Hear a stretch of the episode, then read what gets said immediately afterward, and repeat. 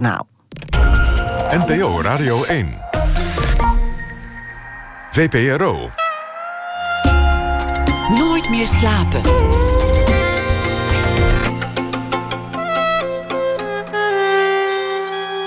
Met Pieter van der Wielen. Goedenacht en welkom bij Nooit meer slapen. Zometeen na ene gaan we het hebben over een nieuwe Netflix-serie.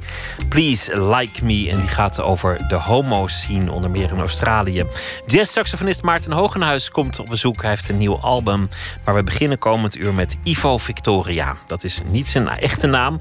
Hij werd ooit geboren in 1971. En de Vlaamse schrijver dacht toen nog, niet meteen bij geboorte, maar iets later, dat hij muzikant zou worden. Om allerlei redenen is dat er nooit van gekomen vele omwegen volgden en uiteindelijk werd hij schrijver. Hij woont al vele jaren in Nederland. In 2009 debuteerde hij met Waarom ik nimmer de Tour voor het min 12-jarige won en dat het me spijt. En het werd meteen een groot succes. Drie andere boeken zijn gevolgd. Gelukkig zijn we machteloos, Dieven van vuur en het nieuwste boek Billy en Seb. Het begint meteen mooi. Een jongen krijgt een wapen, cadeau van zijn ouders. En de rest van het boek hangt dat gegeven in de lucht. Er zal een schot gelost gaan worden. Je voelt het als lezer. Het boek is wrang en spannend, maar tegelijk ook eigentijds. Het gaat over radicaliseren, maar dan radicaliseren zonder ideaal.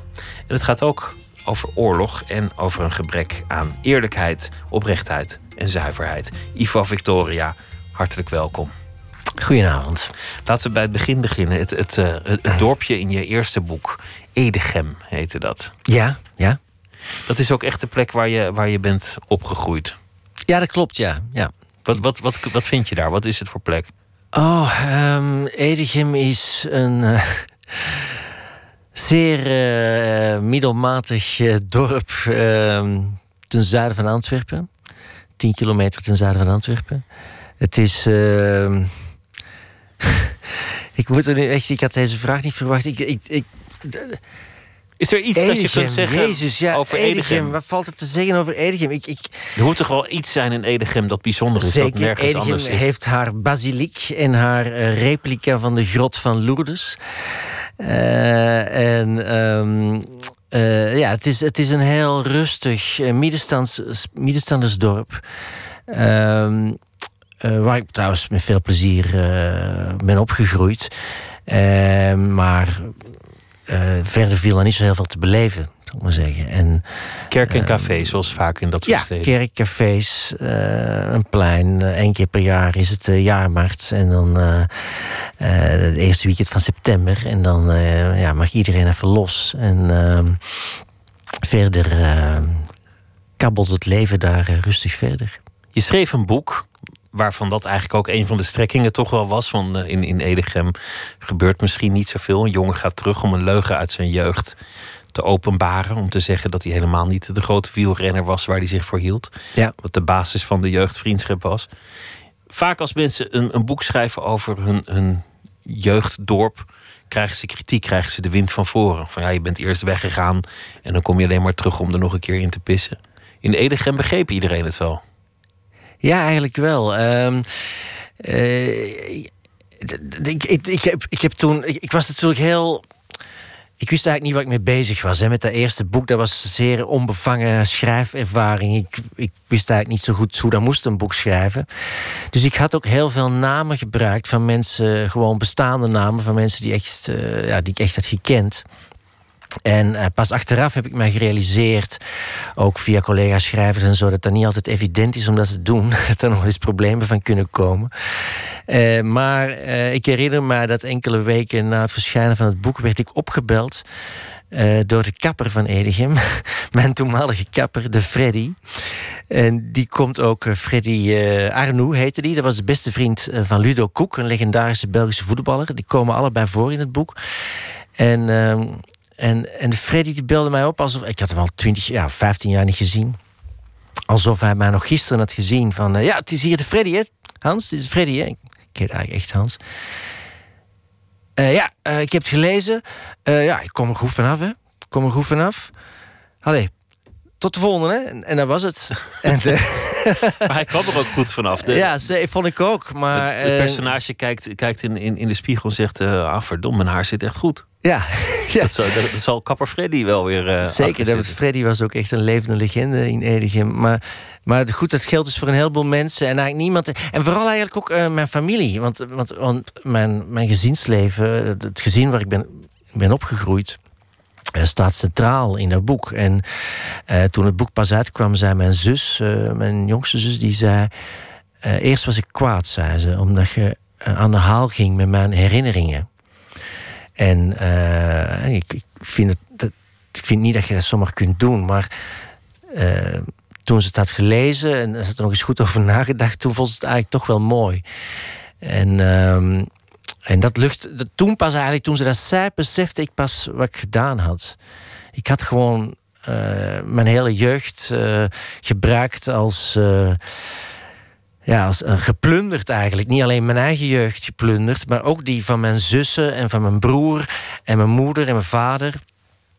Um, en, en, en en niemand heeft me dat kwalijk genomen. Dat is eigenlijk ongelooflijk. dat je ermee weg bent, bent gekomen. Ja, ja. Hoe, hoe, zou je, hoe zou je die jeugd typeren en, en, en dat gezin waar je vandaan kwam? Um, ik heb een hele gelukkige jeugd gehad. Uh, mijn vader was uh, uh, bankbediende. En mijn moeder was godsdienstlerares. en, um, dus we waren een heel modaal gezin. Ehm, ik was de jongste een beetje nakomertje, vijf, zes jaar jonger dan mijn, uh, dan mijn, uh, dan mijn eerste zus. Uh, dus ja, ik was veel op mezelf. Ik speelde veel. thuis speelde ik sowieso altijd alleen. maar het was een hele fijne buurt waar wij woonden, met veel vrienden in de buurt. Ik ging eigenlijk altijd op straat en in tuinen van andere mensen. ja. een hele kleine tuin. En het was eigenlijk heel gewoon heel gewoon leven. In, in het boek is een van de thema's, in, in, in dat eerste boek, uh, eerzucht. Mm -hmm. iemand, iemand willen zijn. Ja, ja. toch een bepaald podium willen beklimmen. Of, ja. of het nou met fantasie is of, of echt, maar, maar toch het soort dagdromen dat, dat iemand voor iets groots voor bestemd zou zijn. Ja. Roem. Ja, dat, ja, dat, dat, dat zal ongetwijfeld voortgekomen zijn uit, uit die jeugd en uit het feit dat alles zo gewoon was in Edegem. En, uh, en ik heb geen idee waar het daar vandaan kwam in mij of zo, maar ik kon me niet voorstellen uh, dat, ik, dat ik daar zou blijven of dat ik een gewoon leven zou leiden. Dat klinkt een beetje denigrerend. Wat, wat is dat eigenlijk, een gewoon leven? Ik leid nu eigenlijk ook gewoon een, een gewoon leven. Maar... maar als je jong bent om er meteen al aan te beginnen, dat is ook zo wat, toch? Ja, het is. Uh, er was iets in mij. Ik. Ja, ik wilde. Ik wilde iets bijzonders. Ik wist niet wat dat was. Uh, dus eerst was dat uh, wielrennen, want uh, ik, had, ik was idolaat van wielrennen en, en met name van Lucien van Impe, de laatste Belgische toerwinnaar. Dus ik, ik organiseerde de ronde van Edegem met mijn vrienden. En ik zat eigenlijk altijd op de fiets door de straat te crossen. En, um, en, en daarna werd dat muziek. En, en zo, het werd altijd iets anders. Maar op een of andere manier was er een soort van onrust in mij. Uh, om, om iets te willen doen, om, of iets te willen maken. Uh, en, en vooral geen uh, reguliere baan te hebben later. Of, uh, dat, dat, dat, leek mij vreselijk. En ik heb dat wel gehad een tijdje, uiteindelijk. Uh, en dat was inderdaad vreselijk.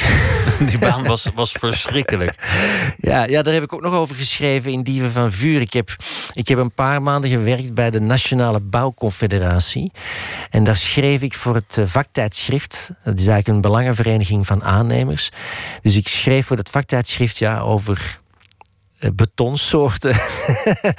en en dat, ik, was, ik was toen 22 of zo en al mijn collega's waren 50 plus in een heel groot kantoorgebouw in het centrum van Brussel. elke dag uh, om zeven uur op de trein daar naartoe. Het was verschrikkelijk. En Terwijl je eigenlijk grote aspiraties had in die tijd om, om muzikant te worden. Ja, ja. En, ik was ook muzikant. Uh, ik ben alleen niet beroemd geworden. ik was gewoon niet goed genoeg. Maar ik heb heel lang muziek gespeeld, ja. Uh, van mijn 15 tot, tot mijn 35, zoiets. Ja. Dus platen gemaakt ook. En veel, veel gespeeld. Um, maar ik was. Uh, dat was achteraf bekeken, maar dat heb ik pas eigenlijk beseft toen ik ging schrijven. En zeker na het voltooien van, van mijn eerste boek. Uh, was dat een geforceerde ambitie. Tenminste, ik, zo kijk je er nu op terug. Ik kan nog altijd wel aardig gitaar spelen of piano spelen en zingen, maar uh, ik wilde te graag en ik was net niet goed genoeg. En dus ik moest heel hard werken om, uh, om mee te komen. Om, om een bepaald niveau te bereiken. En, uh, toen dieven, dieven van Vuur drijf je een klein beetje de spotter mee op, op een heel leuke manier. De, stad Antwerpen in, die, in de jaren negentig. Mhm. Heel veel bandjes, heel veel uh, mensen met heel veel ambitie. Die ook, ook heel eigenzinnig en heel artistiek zijn. En een van die bands, die, die, die wordt, wordt ontzettend groot. Deus. Ja. Met Tom Barman. Ja. En, en iedereen probeert te doen voorkomen als Tom zijn beste vriend is. Ja. Nou, Tommeke zal zo wel komen, hè? Ja, ja. En, en heel veel mensen die eigenlijk niet zo goed zijn, die denken, nou, dat kan ik wel compenseren door er heel interessant bij te kijken. Ja, en, en, en ik, ik woonde in die periode al in Antwerpen. Uh, dus ik heb dat van heel dichtbij meegemaakt eigenlijk. Uh, die doorbraak van Deus en vooral wat dat deed met de uitgaansscene... en met, met Antwerpen als muziekstad en met andere muzikanten. En... Uh, uh, en ik speelde toen ook zelf nog altijd in bandjes. Dus Deus die opende ons de ogen op dat moment van het kan wel internationaal doorbreken als Belgische band. En experimenteerdrift en durven. En, uh, uh, maar, maar daar moest er natuurlijk wel genoeg talent voor hebben. want, want iemand die te weinig talent heeft, die gaat experimenteren, dat is natuurlijk verschrikkelijk. En, uh, uh, ik, eh, en daar heb ik me misschien wel, wel aan bezondigd, ook in die tijd. en en ik, heb, ik heb toen ook gerealiseerd dat, dat ik dicht bij mezelf moest blijven als ik dingen wilde maken. En, en toen ik ging schrijven en toen ik Hoe ik niet meer schreef, toen, toen voelde dat zo natuurlijk. Dat was echt zo'n ontdekking voor mezelf. Je hoefde niet meer te uh, feinsen dat je iets was of ergens goed in was. Of je hoefde niet nee, meer het was volledig, te compenseren. Ineens dacht, dacht ik van, oh, maar dit ben ik. Dit, dit klopt gewoon. Ik, ik kan het. Ik kan het. uh, maar ik, vooral, het is uh, vol, een volkomen natuurlijk proces. Uh, alsof ik, uh, ja, ik, ik kon me wel voor de kop slaan dat ik daar niet tien jaar eerder op was gekomen. Hoe is dat gegaan? Want, want je schreef over beton voor het, uh, voor het bouwtijdschrift. Ja. En, en je speelde in bandjes en je kwam wel in de goede cafés waar de grootheden als Tom Barman ook kwamen. Maar het gebeurde allemaal niet. Hoe ben je toen terechtgekomen in, in, in de literatuur? Wanneer ben je echt gaan schrijven? Uh, wel, op een gegeven moment verhuisde ik naar Amsterdam. En toen heb ik nog uh, twee jaar muziek gespeeld met, met de band waar ik toen in zat, nog één plaat gemaakt. Uh, maar dat werd zo vermoeiend op een gegeven moment om altijd op en neer naar Antwerpen te rijden, uh, repeteren, heel veel spelen in de weekends. En um, toen ben ik er heel brusk mee gestopt. Op een goede dag heb ik iedereen opgebeld en gezegd van that's it, we stoppen ermee. En um, toen had ik eigenlijk geen hobby meer. en heel, ineens heel veel tijd. En, uh, en in die periode uh, waren de weblogs uh, op internet heel hip. En, en toen dacht ik van, ah ja, schrijven. Ja, ik ga gewoon lekker een beetje stukjes schrijven. Korte, korte columnachtige anekdotes. Want jij werkte als publiciteitsmedewerker... voor onder meer voor het festival Lowlands ja. en, en ja. andere projecten. En je begon gewoon online zonder al te veel druk ja, je stukjes gewoon, en, en, toen heb ik ook uh, de naam Ivo Victoria verzonnen en ben ik begonnen met ivovictoria.com, waar ik nog steeds regelmatig uh, stukjes op schrijf. En um, dus dat is, dat is ondertussen uh, tien jaar geleden, elf jaar geleden. En, ehm, en op een gegeven moment, en dat weblogwereldje, dat was echt een klein wereldje. We, we, we, lazen elkaar weblogs en iedereen kende elkaar. Op een gegeven moment kwam je in een soort van netwerkje terecht van allemaal webloggers. En een van die webloggers was Walter van den Berg. Een van de allereerste in Nederland die een weblog had. En, en die had een boek uit. En, uh, die, en die had ook een literair agent. En uh, op een gegeven moment uh, mailde hij mij. Of, ik weet al niet meer hoe dat ging, maar alles hij zei: waarom schrijf je niet eens een keer iets langers, een, een, een kort verhaal? Dan kan ik dat laten lezen aan mijn agent en wie weet wat er van komt. En dat is het eerste hoofdstuk geworden van hoe ik niet meer de Ronde van Frankrijk voor min 12 jaar gewon. En, en, en toen ging dat ineens heel snel. Uh, ik heb dat verhaal geschreven. Via Walter bij, bij Paul Sebes is dat beland. En voor ik het wist had ik een uitgever. En moest ik een boek gaan schrijven eigenlijk. en ik liet het allemaal maar gebeuren. Dat, was heel, dat ging zo gemakkelijk. En, en, en meteen succes, dat, dat, is het allerwonderlijkste. Ja, ja. En dan, is, dan is er dat boek en je, en je komt eigenlijk nergens vandaan. En, en dan wordt het ook nog, wat zijn het, vier drukken, vijf drukken? Dit is uh, ja. een boek dat, dat echt omarmd is en gezien is. Ja. Ja, ik had, ja. Ja, wat kan je er verder over zeggen? Wat kan je er verder over zeggen? Ja, ik was zo onbevangen. Het ging, het, het klopt. Ik, ik, stelde me er totaal geen vragen bij, nee. We gaan luisteren naar iets dat jij uh, hebt uh, gezongen. Dat was een, een album dat werd gemaakt uh, over, over het wielrennen. Hm. Rij, renner alleen. En dan horen we jou zingen.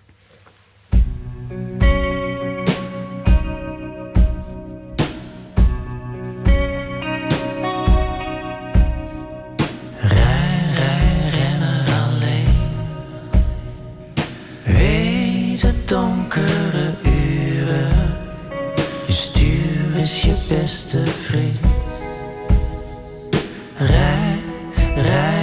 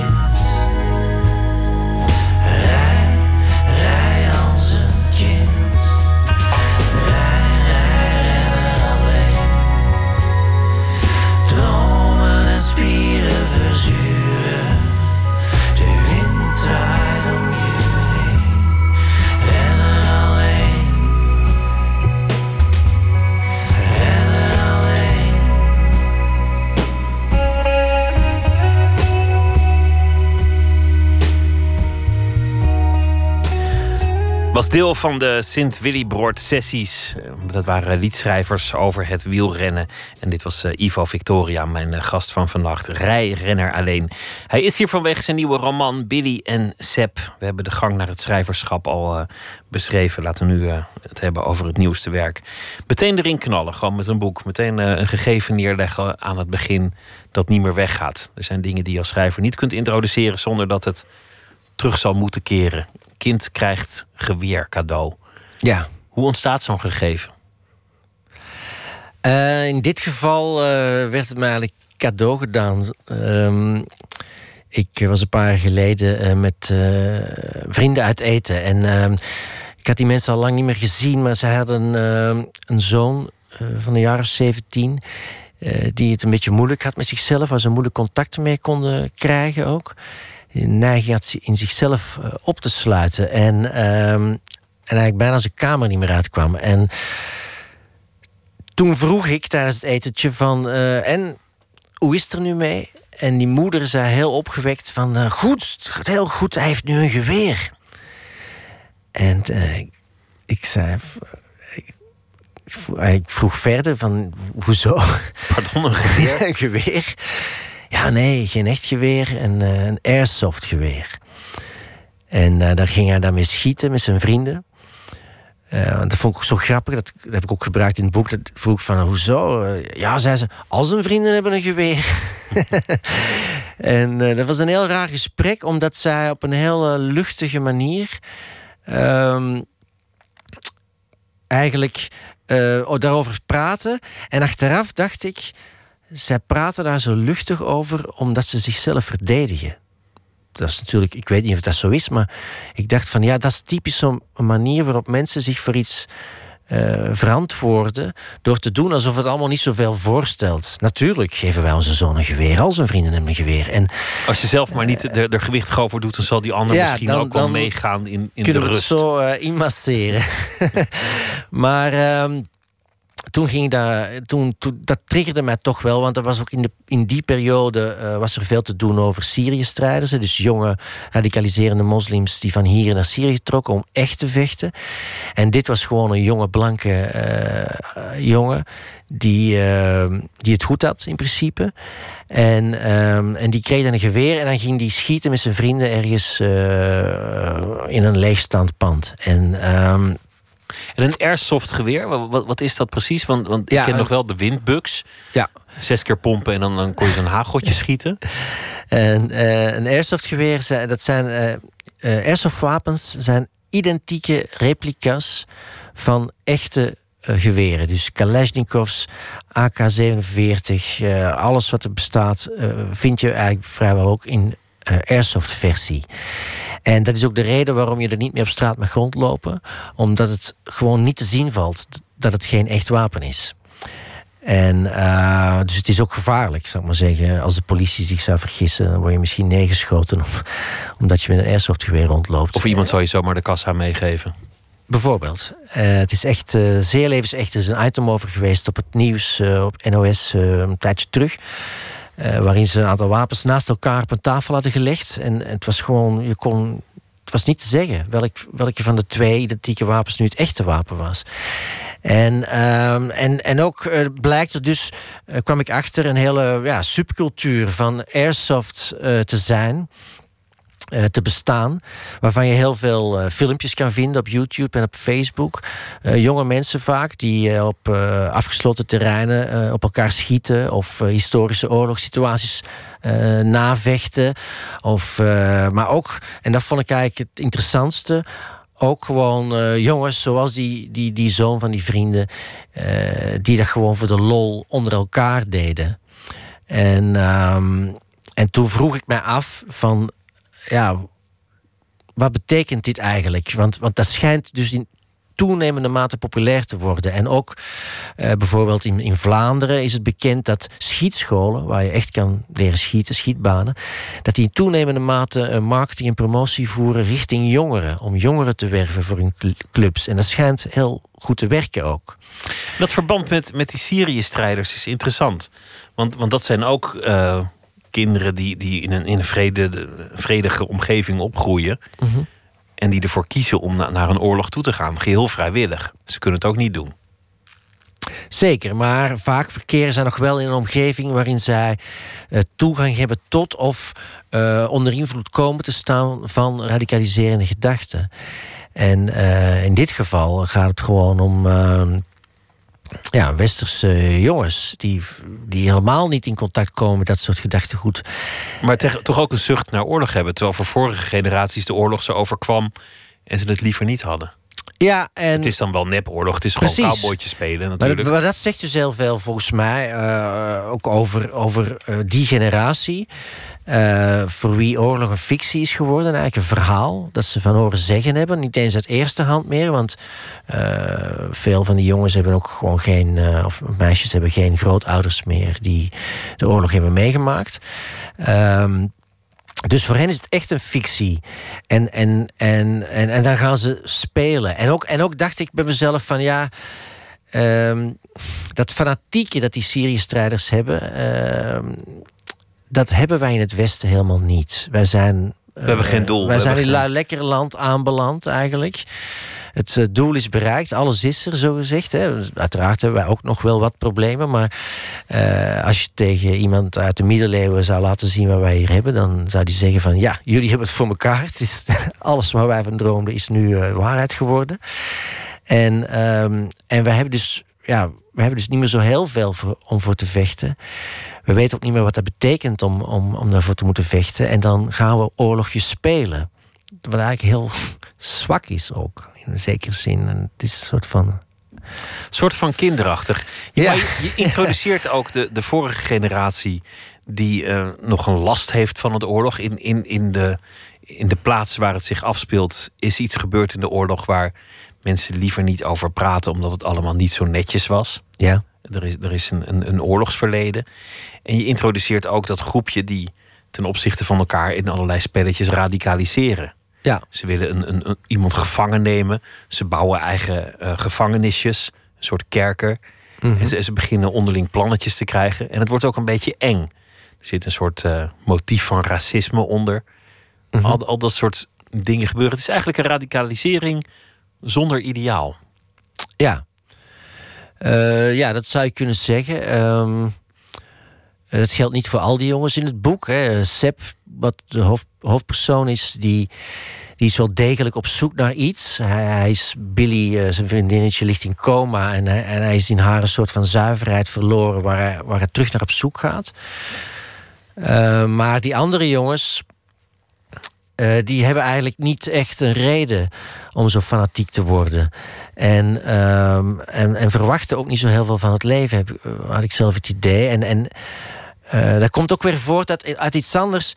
Ehm, eh, ik las ook eh, bijvoorbeeld over een aantal eh, aspirant-terroristen in Duitsland. Duitse jongens die in een bungalowpark werden gearresteerd met een hele lading wapens. En die daar allerlei plannetjes aan het smeden waren. En toen ze die gingen ondervragen, was er een onthutsend gebrek aan ideologie. Ze hadden eigenlijk geen notie van waar ze mee bezig waren. We hadden ook geen historische kennis van de Rode Armee-faction of iets anders. We hadden ze nog nooit van gehoord. Eh, het was echt eh, fanatisme uit verveling. Eh, dus de begeestering kwam voort uit de leegheid van hun bestaan. En, ehm, en dat, daar, daar kan ik me wel iets eh, bij voorstellen, bij, bij dat verlangen om, om toch maar iets te willen. En ook deze jongens in, in Billy en Seb, die wonen in Gaspel, een afgelegen dorp op een schiereiland, in een, in een desolate omgeving. Ehm, er is verder niks te doen voor die jongens. En, eh, en dan gaan ze maar schieten. En, en, en in het hele dorp is er, is er één jongen, Jamal, eh, van een andere afkomst. En, en, en, en dan, ja. Dat, dat wordt dan een makkelijk doelwit. Daarin lijkt het op je, op je vorige boeken. Dat het, dat het gaat over verveling en een verlangen naar iets groots. Een ver- ver- Ja. Verveling en een verlangen naar een, een leven dat er wel degelijk toe doet. Dat niet gewoon is. Om je niet onder te laten dompelen door de middelmaat. Dit is misschien een, een, een wat, wat minder positieve variant dan, dan, eh, dan zeggen dat je de Tour hebt gewonnen. Ja, ehm, het is misschien minder positief in de zin dat, eh, dat ik een boek wilde schrijven, ook wel echt over de, hoe, ik- hoe ik nu naar de wereld kijk van vandaag. Ehm, waarin, waarin volgens mij ehm, een, aantal waarden eh, uit de mode zijn geraakt. Zoals waarheid of echtheid of eh, oprechtheid. eh, ehm, en, en, en die waarden worden eigenlijk vertegenwoordigd door Billy, zal ik maar zeggen, in dit boek.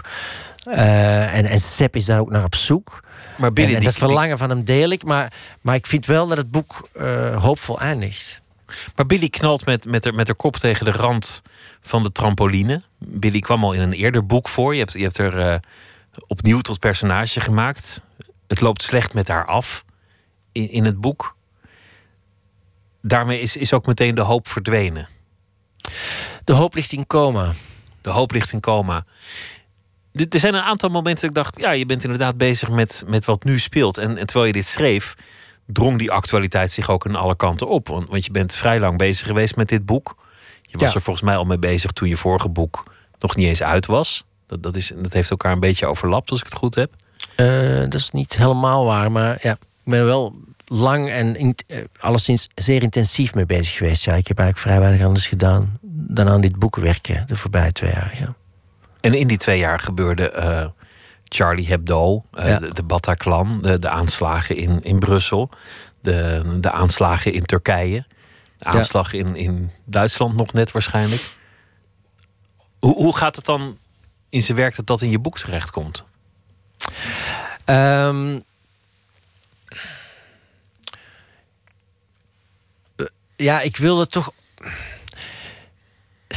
Dus, dat is lastig uit te leggen, maar wat ik pro- geprobeerd heb eigenlijk om te doen is. ehm, wanneer dat gebeurt met Biddy en Seb. Zet dat eigenlijk de levens op zijn kop van al wie daarbij betrokken is. Dus de moeder en de vader van Seb en zijn oom. ehm, die praten over wat er zou kunnen gebeurd zijn eh, met Billy en Seb. En eh, ze praten dus over iets, iets dramatisch, een, iets ergs wat gebeurd is... en iets wat misschien nog staat te gebeuren... want ze zien natuurlijk ook dat het niet goed gaat eh, met Seb. En, eh, en ze proberen daar vat op te krijgen. En eigenlijk is dat ook de situatie waarin wij nu zitten in de wereld, zou ik maar zeggen. Er is een dreiging. Er gebeuren dramatische dingen. Er komt misschien nog van alles aan. En we proberen daar met elkaar over te praten. Op best wel vreemde manier af en toe, eh, vind ik. En. ehm, en, en, wat je, en, en, en- dat heb ik eigenlijk willen onderzoeken. Van, van eh, enerzijds die, dat verlangen van Seb. En anderzijds, hoe wordt daarover gesproken? Hoe gaan mensen daarmee om? Want je schrijft ergens, iedereen zit in zijn eigen bunker. Iedereen praat, iedereen zendt, Ja. maar niemand luistert, niemand ontvangt.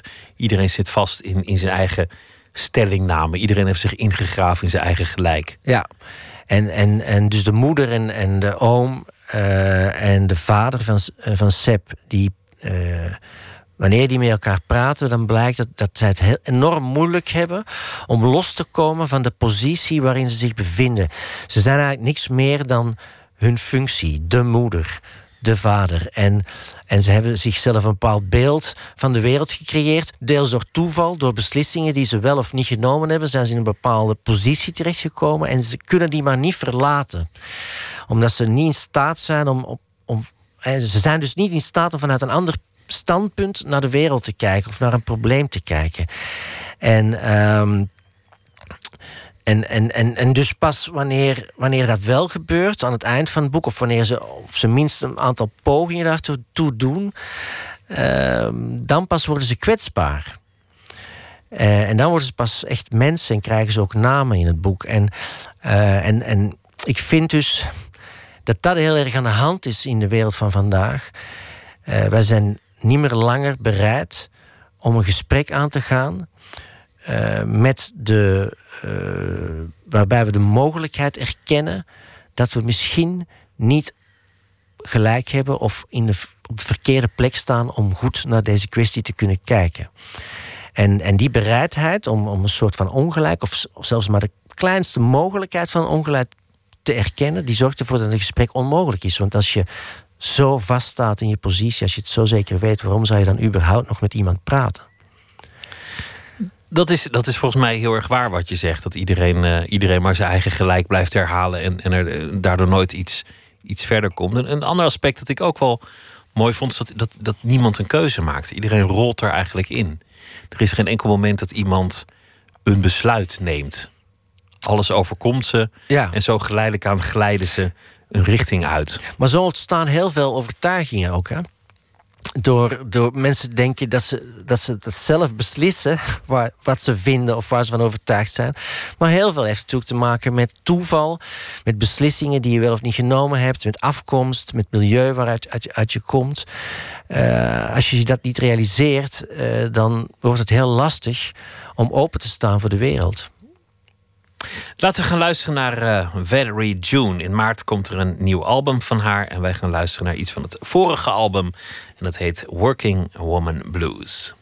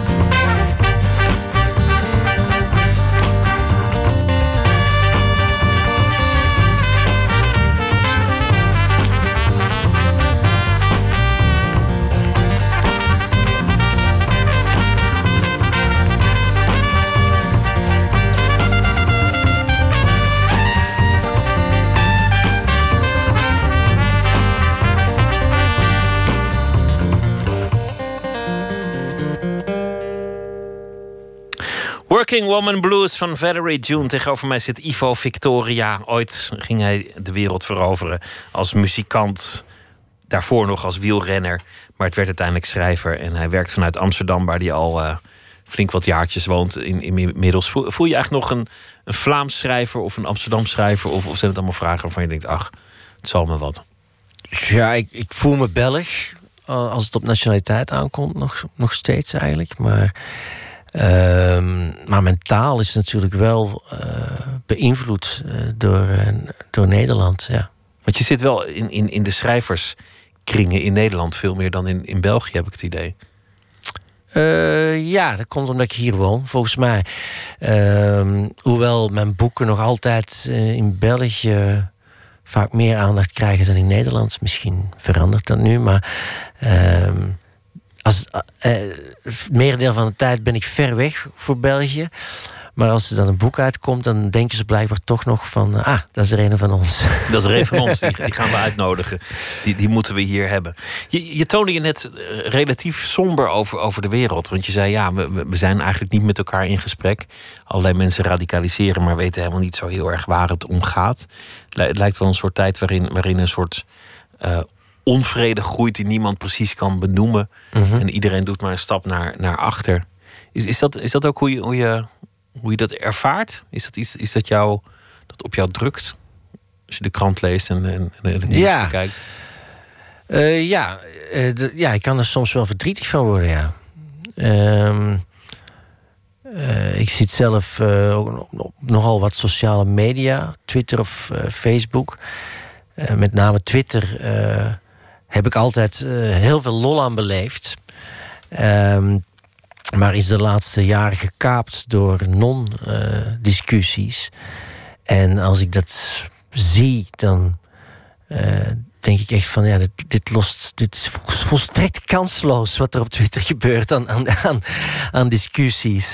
We gaan er niet Eh, uitkomen. Nee, we gaan er niet uitkomen. En het, en het meest, wat het meest verontrust is. eh, je hebt natuurlijk een heleboel van die anonieme idioten die op Twitter eh, zitten te spammen. Nou, die zijn volgens mij geen enkel. eh, Daar maak ik me totaal geen zorgen over, want er is nauwelijks iemand die die mensen au serieus neemt.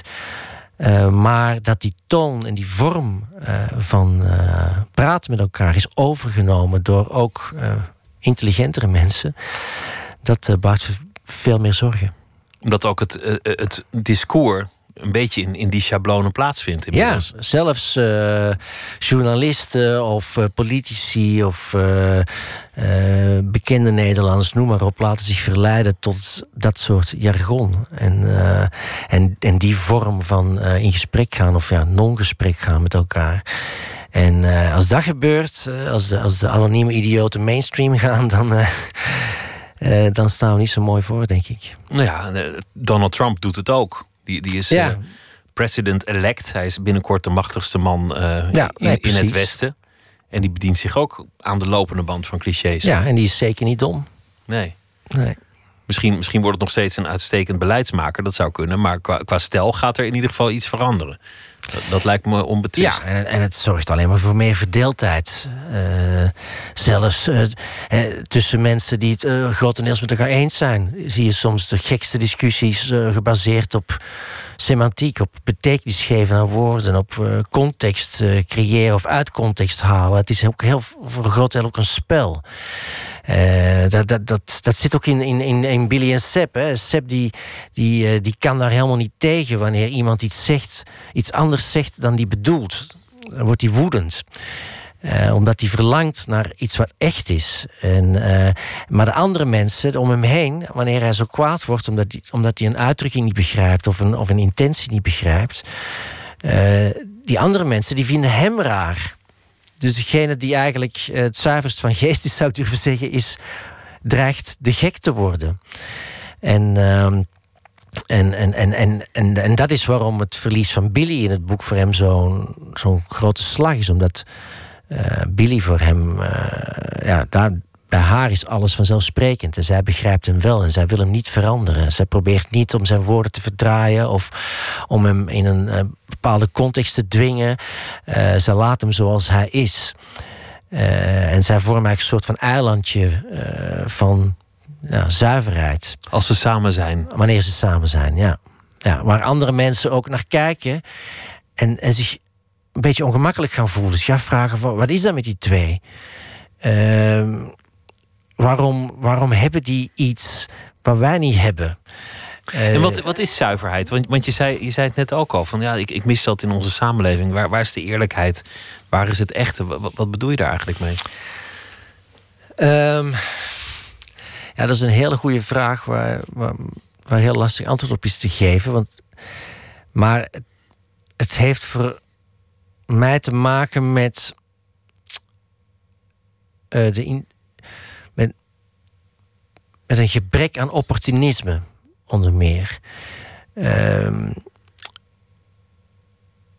dus een bereidheid om te accepteren dat wat de ander zegt eh, dat, dat, dat dat inderdaad is eh, wat hij bedoelt ook.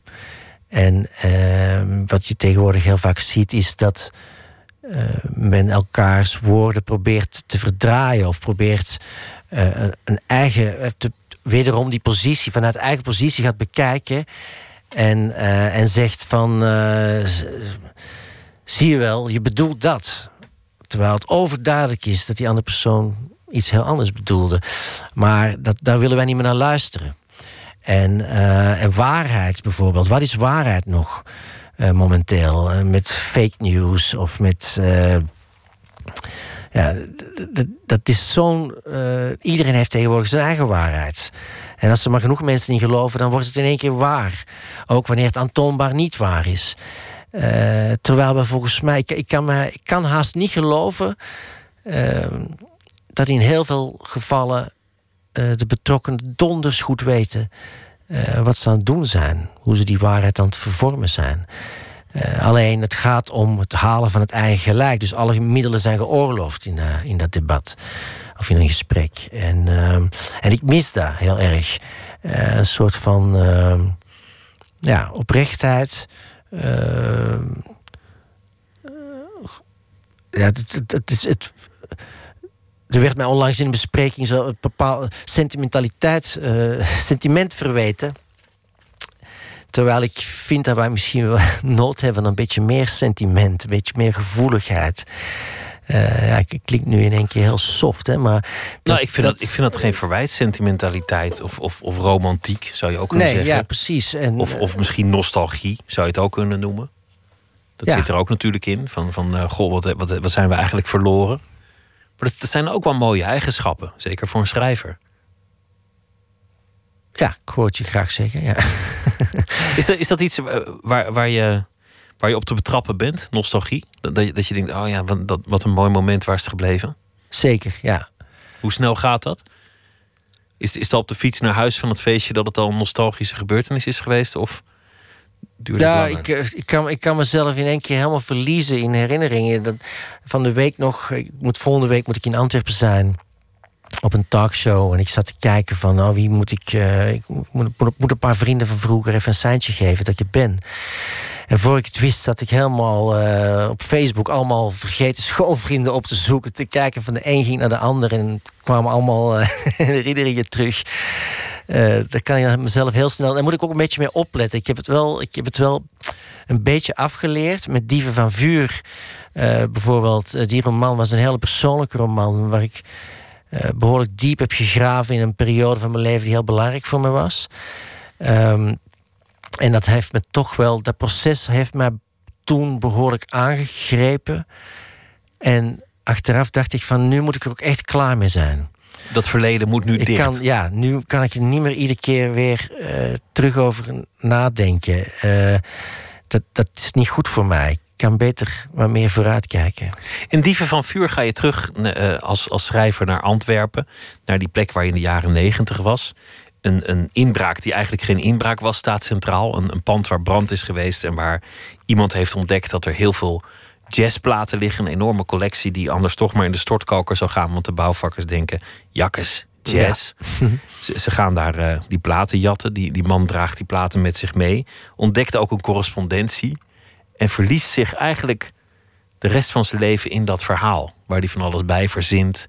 Hij gaat op zoek naar, naar, naar die plekken. Ja. Terwijl ze inmiddels een andere functie hebben gekregen. Ja, hij probeert te reconstrueren van wat er, wat er zou kunnen gebeurd zijn in dat gebouw. En waarom die jazzplaten daar zijn achtergebleven. Waarom die brieven daar liggen in die kamer. Wat die brieven betekenen überhaupt. Hij, hij, hij creëert eigenlijk een hele nieuwe wereld voor zichzelf.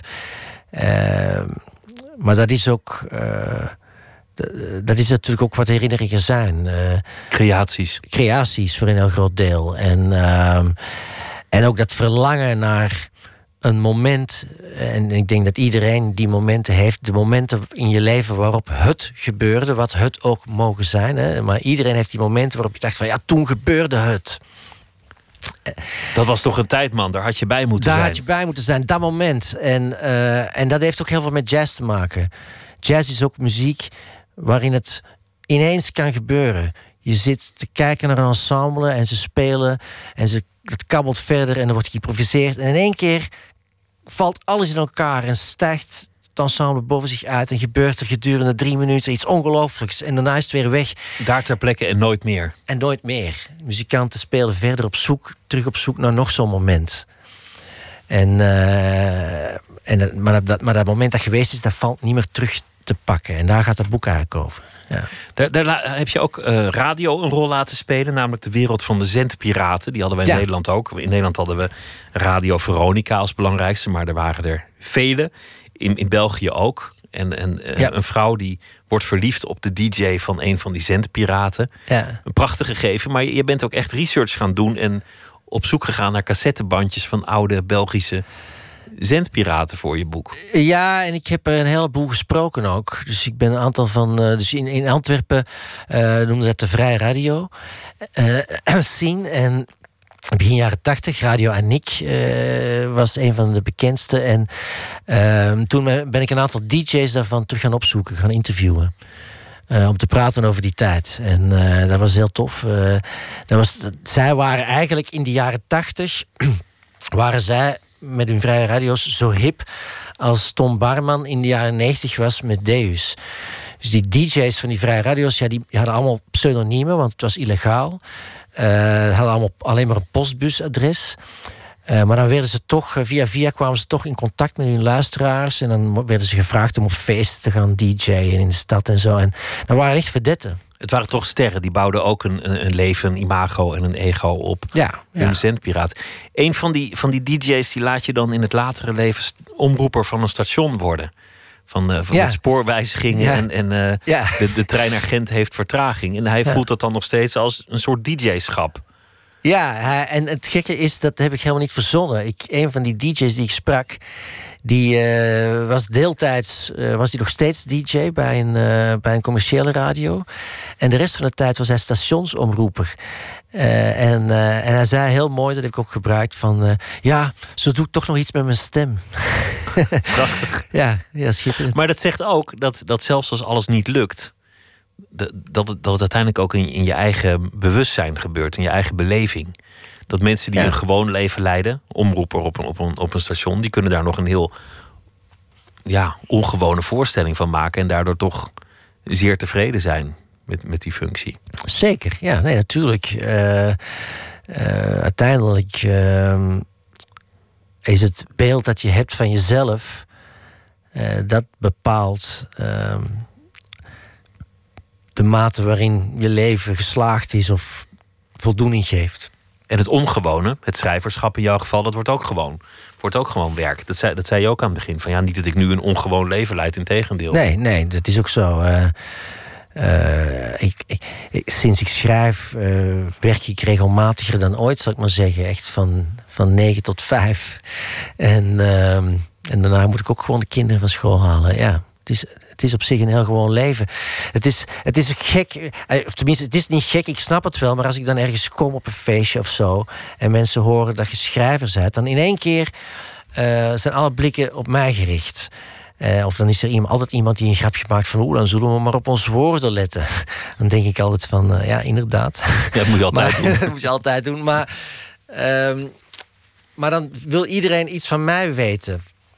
Van hoe dat dan is en zo. Terwijl ik denk dan van, ja, dat is werk. Ik ga morgen gewoon weer werken, net, net zoals jij. Maar het is toch een ongebruikelijk leven, om, om, omdat er een, een, een verhaal ontstaat, een personage ontstaat, een leven ontstaat, dat, dat, dat helemaal uit jou komt. In die zin ben je onvervangbaar. Ieder ander die, die zou een ander boek ervan maken. Natuurlijk, ja. Terwijl de, de tal van functies zijn, als er een ander zit, dan zal niet eens iemand het verschil merken. ja. Dat is Ja, misschien wel, ja. En dat is natuurlijk ook waar mij, waar mij heel veel eh, voldoening schenkt. Eh, dat, ik, dat ik mijn eigen wereldjes kan creëren. Dat ik, dat ik, ja, dat, ik- dat ik me er helemaal in kan verliezen. Dat ik dat volledig onder controle heb ook. Of tenminste, ik ben alleen. Dat vind ik heel fijn. Ik vind het fijn om alleen te werken. eh, in vergelijking met een bandje vroeger, waar we alle compromissen moesten sluiten met andere bandleden. dat hoeft niet meer. Ik hoef alleen nog maar verantwoording af te leggen aan mezelf. En, eh, en dat vind ik heel prettig. Ik, eh, ja, ik blijk gewoon heel graag alleen te zijn. En dat ben ik ook merendeel van de tijd. Je denkt na over een personage, je geeft hem eigenschappen mee, een, een, een plek in de wereld, een, een, een levensloop, eigenaardigheden, een uiterlijk, ga, maar- ga maar door. En dan vermoord je je personage of, of, je, of je geeft hem juist een, een groots leven. Eén personage heb je nu terug laten komen in, een- in een ander boek. Ja. Dat begrijp ik wel. Het lijkt me moeilijk om afscheid te nemen van zo'n personage als je hem eenmaal helemaal bedacht hebt. Blijft ze, blijft ze bij je? Billy eh, bleef mij sinds. Dus Billy komt uit, voort uit Gelukkig zijn machteloos. eh, mijn tweede roman. En zij is me altijd bijgebleven. Eh, en eigenlijk ben ik volgens mij nog steeds niet klaar met haar. Want ik wou, ik wou eigenlijk meer over haar schrijven. Ik ben ook begonnen. Eh, op een gegeven moment met haar een stem te geven en haar te laten vertellen over zichzelf eh, en over Seb. En dat werkte niet in, in dit boek, maar eh, ik heb nog steeds het idee dat ik nog even door moet met Billy. Ja, misschien binnen een paar jaar weer eens. Ja, Om, om de hoop te reanimeren. ja zij is voor mij eerlijkheid. zo, ja, zo'n meisje, Aziatisch jong meisje. eh, die volledig onbevangen in het leven staat. En eh, terwijl ze toch een achtergrond heeft die, eh, die doet vermoeden dat er misschien nog wel een en ander speelt in het, in dat eh, lieftallige hoofdje van haar. Dus ehm, ik vind, ja, ik weet het niet, het is een beeld. En het zit in mijn hoofd en, en het is er nog niet uit, dat voel ik. Ik ben benieuwd waar dat eh, op uit gaat draaien. Dank dat je te gast wilde zijn en heel veel succes met eh, het boek Billy en Seb, Ivo Victoria. Dank je wel. Dankjewel. Zometeen eh, gaan we verder met Nooit meer slapen. Gaan we het hebben over de nieuwe tv-serie van Netflix. Krijgt lovende kritieken, vooral uit de homogemeenschap. En de titel is Please Like Me. Maarten Hogenhuis is eh, jazz-saxofonist. Hij komt op bezoek. Speelt onder meer in de band Brut. Maar heeft ook zijn eigen trio en zijn eigen kwartet. En van dat trio is nu een tweede album uit Mimicry. Katelijn Schilder zal een verhaal maken bij de voorbije dag. Dat doet ze deze week elke nacht. En dat zal ze zo meteen voordragen. Twitter, VPRO NMS. En we zitten op Facebook. En u kunt zich abonneren op de podcast via iTunes of de website van de VPRO. VPRO.nl schuine streep nooit meer slapen.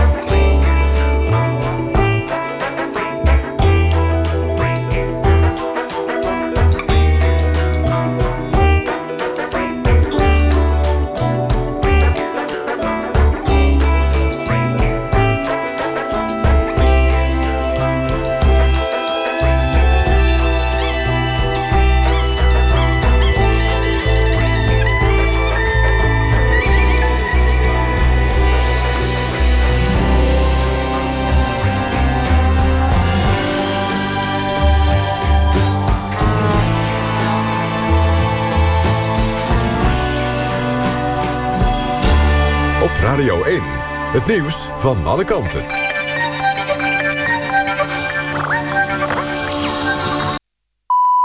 Eén uur. Renate Evers met het NOS Journaal. Rond deze tijd verloopt de deadline die West-Afrikaanse landen hebben gesteld aan de president van Gambia. Als hij nu niet aftreedt, gaan er mogelijk troepen uit Senegal de grenzen over om hem te dwingen. Ook Nigeria en Ghana hebben militairen gestuurd. President Jammeh weigert de macht over te dragen aan zijn rivaal die de verkiezingen in december won. Vanwege de onrust worden toeristen geëvacueerd uit Gambia. Als alles goed gaat komen de laatste Nederlanders vannacht aan op Schiphol. 50PLUS heeft de voorzitter van de afdeling Noord-Holland uit de partij gezet. Volgens regionale media heeft hij een schoolreisje van zijn kleindochter betaald met geld uit de partijkas. Voorzitter Vos organiseerde een schoolreisje naar het Binnenhof in Den Haag... om kinderen kennis te laten maken met de parlementaire democratie. De kosten van het busvervoer declareerde hij bij 50PLUS. Partijvoorzitter Nagel noemt dat onacceptabel. Het gaat volgens hem om privé-uitgaven. De Amerikaanse oud-president Bush senior ligt met een longontsteking op de intensive care van een ziekenhuis in Houston. Volgens een woordvoerder heeft hij acute problemen met zijn ademhaling. Artsen hebben zijn luchtwegen vrijgemaakt. 2016 was wereldwijd het warmste jaar sinds het begin van de officiële metingen in 1850, zegt de NASA. Het is het derde jaar op rij dat het warmterecord wordt gebroken. De uitstoot van CO2 is volgens wetenschappers de belangrijkste oorzaak van de langdurige temperatuurstijging. Vorig jaar speelde ook het natuurverschijnsel El Niño mee. Dat veroorzaakt opwarming van het oceaanwater... en dat heeft effect op het weer in grote delen van de wereld. Het weer, kans op mist. In het noordoosten kan het ook gaan ijzelen. Het vriest licht tot matig. Overdag vrijwel overal droog en af en toe zon. In de middag ligt de temperatuur iets boven het vriespunt. Dit was het NOS Journaal. NPO Radio 1. VPRO. Nooit meer slapen.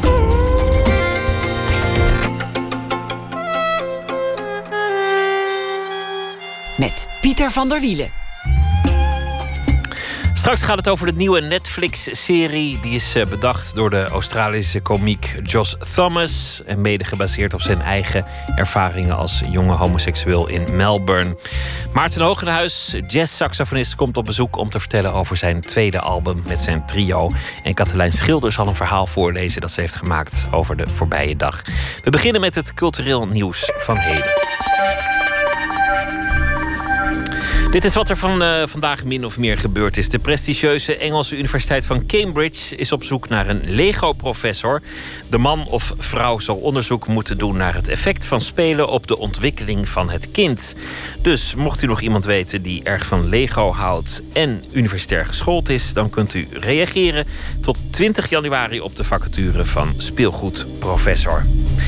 Binnenkort is het mogelijk in Amsterdam om over de Rita Reisbrug te lopen. De zangeres overleed drie jaar geleden en dus moet de gemeente afwijken van de regel. Het is namelijk gebruikelijk dat pas vijf jaar na het overlijden iets naar iemand vernoemd mag worden.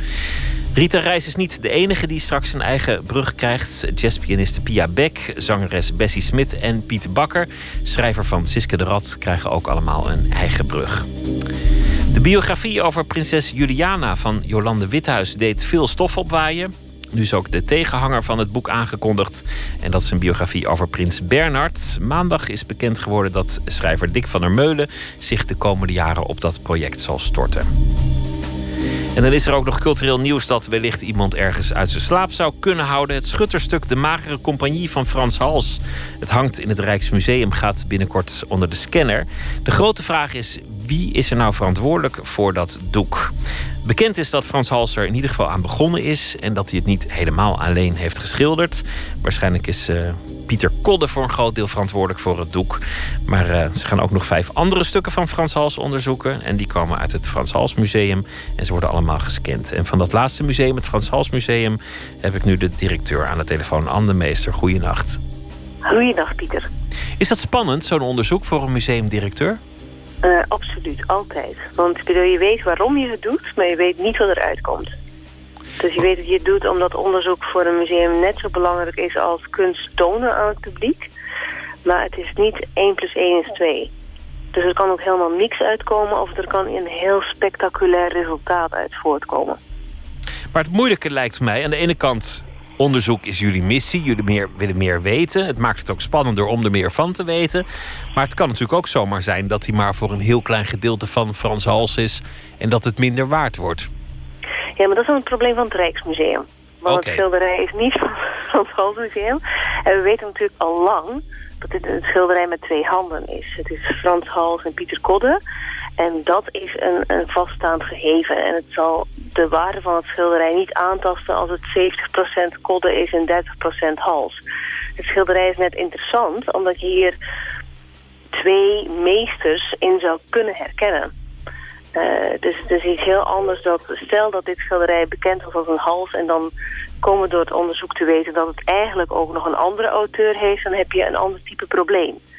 Maar dit hierbij is het gegeven al van twee handen, twee meesters. Alleen wat is van wie? En kunnen we dat door dit onderzoek ontdekken of misschien ook weer niet? Het verhaal is wel in grote lijnen al bekend. Frans Hals begon, maakte het niet af. En daar lag iets aan ten grondslag van, van ruzie met de, de opdrachtgever. Hoe zat dat precies? Dat is de legende. Ik bedoel, we weten niet precies hoe het zat. We weten alleen dat eh Hals het niet heeft afgemaakt. En een van de speculaties is dat hij niet bereid was om opnieuw naar Amsterdam af te reizen. En de schutters eigenlijk, van de schutters eisten dat zij in Haarlem zouden poseren. Dat is één mogelijke verklaring. Maar wat daar precies aan de hand is geweest, weten we niet. Eh, we weten alleen van hij heeft het niet meer kunnen voltooien en iemand anders heeft het opgevangen. En dat is natuurlijk ook spannend, want dat zal het macro-XRF-onderzoek niet opleveren waarom Hals het niet heeft afgemaakt. Dat staat er Dat natuurlijk niet bij. van de wereld van mythe en legende. Juist. En eh, je wilde ook nog iets zeggen over de nieuwe tentoonstelling in, in de Halle in Haarlem. Ja.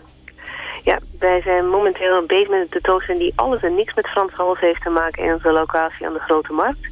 Dat is een eh solo tentoonstelling, oh, drie solo tentoonstellingen van Evelyn Tao Cheng-Wang. Een Chinese kunstenaar die nu in Nederland woont, van wie het hele werk, eh, waarvan zij eigenlijk zegt, ja, mijn hele opvatting over de Europese schilderkunst, dat was de Nederlandse Gouden Eeuw. En dat onderzoekt ze in haar tentoonstelling in de Halle. De tweede solo is van een Belgische kunstenaar, Casper Bosmans... die heel erg geïnteresseerd is in folklore en mythe... en in lokale rituelen en gebruiken.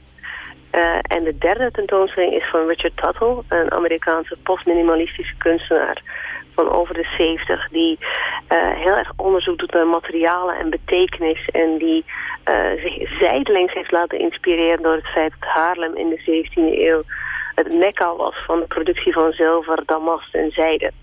Het zijn heel drie verschillende tentoonstellingen die zich laten verenigen door eh Evelyn Tao Cheng-Wang. zei, Ja, misschien hebben we alle drie, alle drie de kunstenaars, ondanks een enorme leeftijdsverschil en culturele verschil, een interesse in rituelen.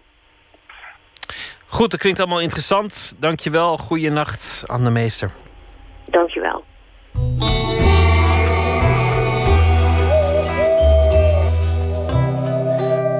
Connor Oberst is de voorman van de band Bright Eyes. Heeft ook soloalbums gemaakt. Van de laatste draaien wij een nummer dat als titel draagt Gossamer Thin.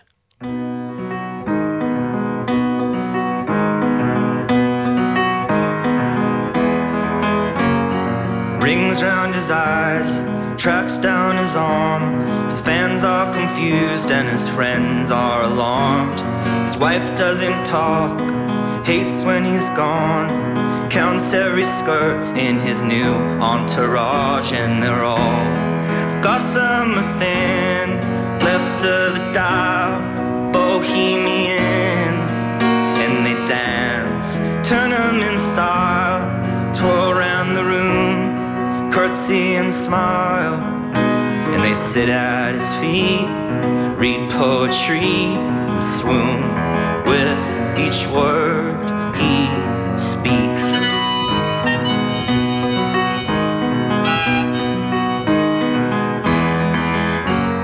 She likes the new pope. She's not scared of hell. They meet once a week at a secret motel. She kisses his neck. She plays with his hair. Her screams sound like pleasure. Her moans like despair. And they're spread gossamer thin. Pushed to the edge. Frayed at the ends. And it's no business of mine if they can love more than one at a time. But they're pushing their luck hard, but they must risk it all for love.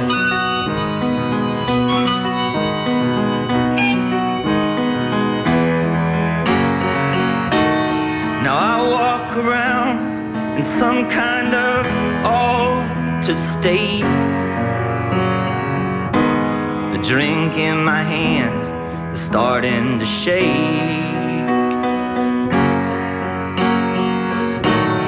I'll get used to it if it has to stay this way. A new bunch of flowers I'll have to arrange.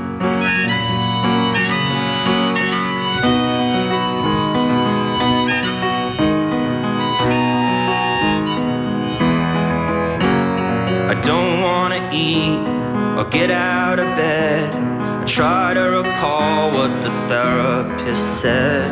Ego and head, the essential self. You are who you are, and you are someone else, but I'm worn. Gossamer thin, like delicate arch, carved by the wind. There's a glass, psyche at stake. Throw me a brick, see if it breaks. Cause the mind and the brain aren't quite the same, but they both want out of this place.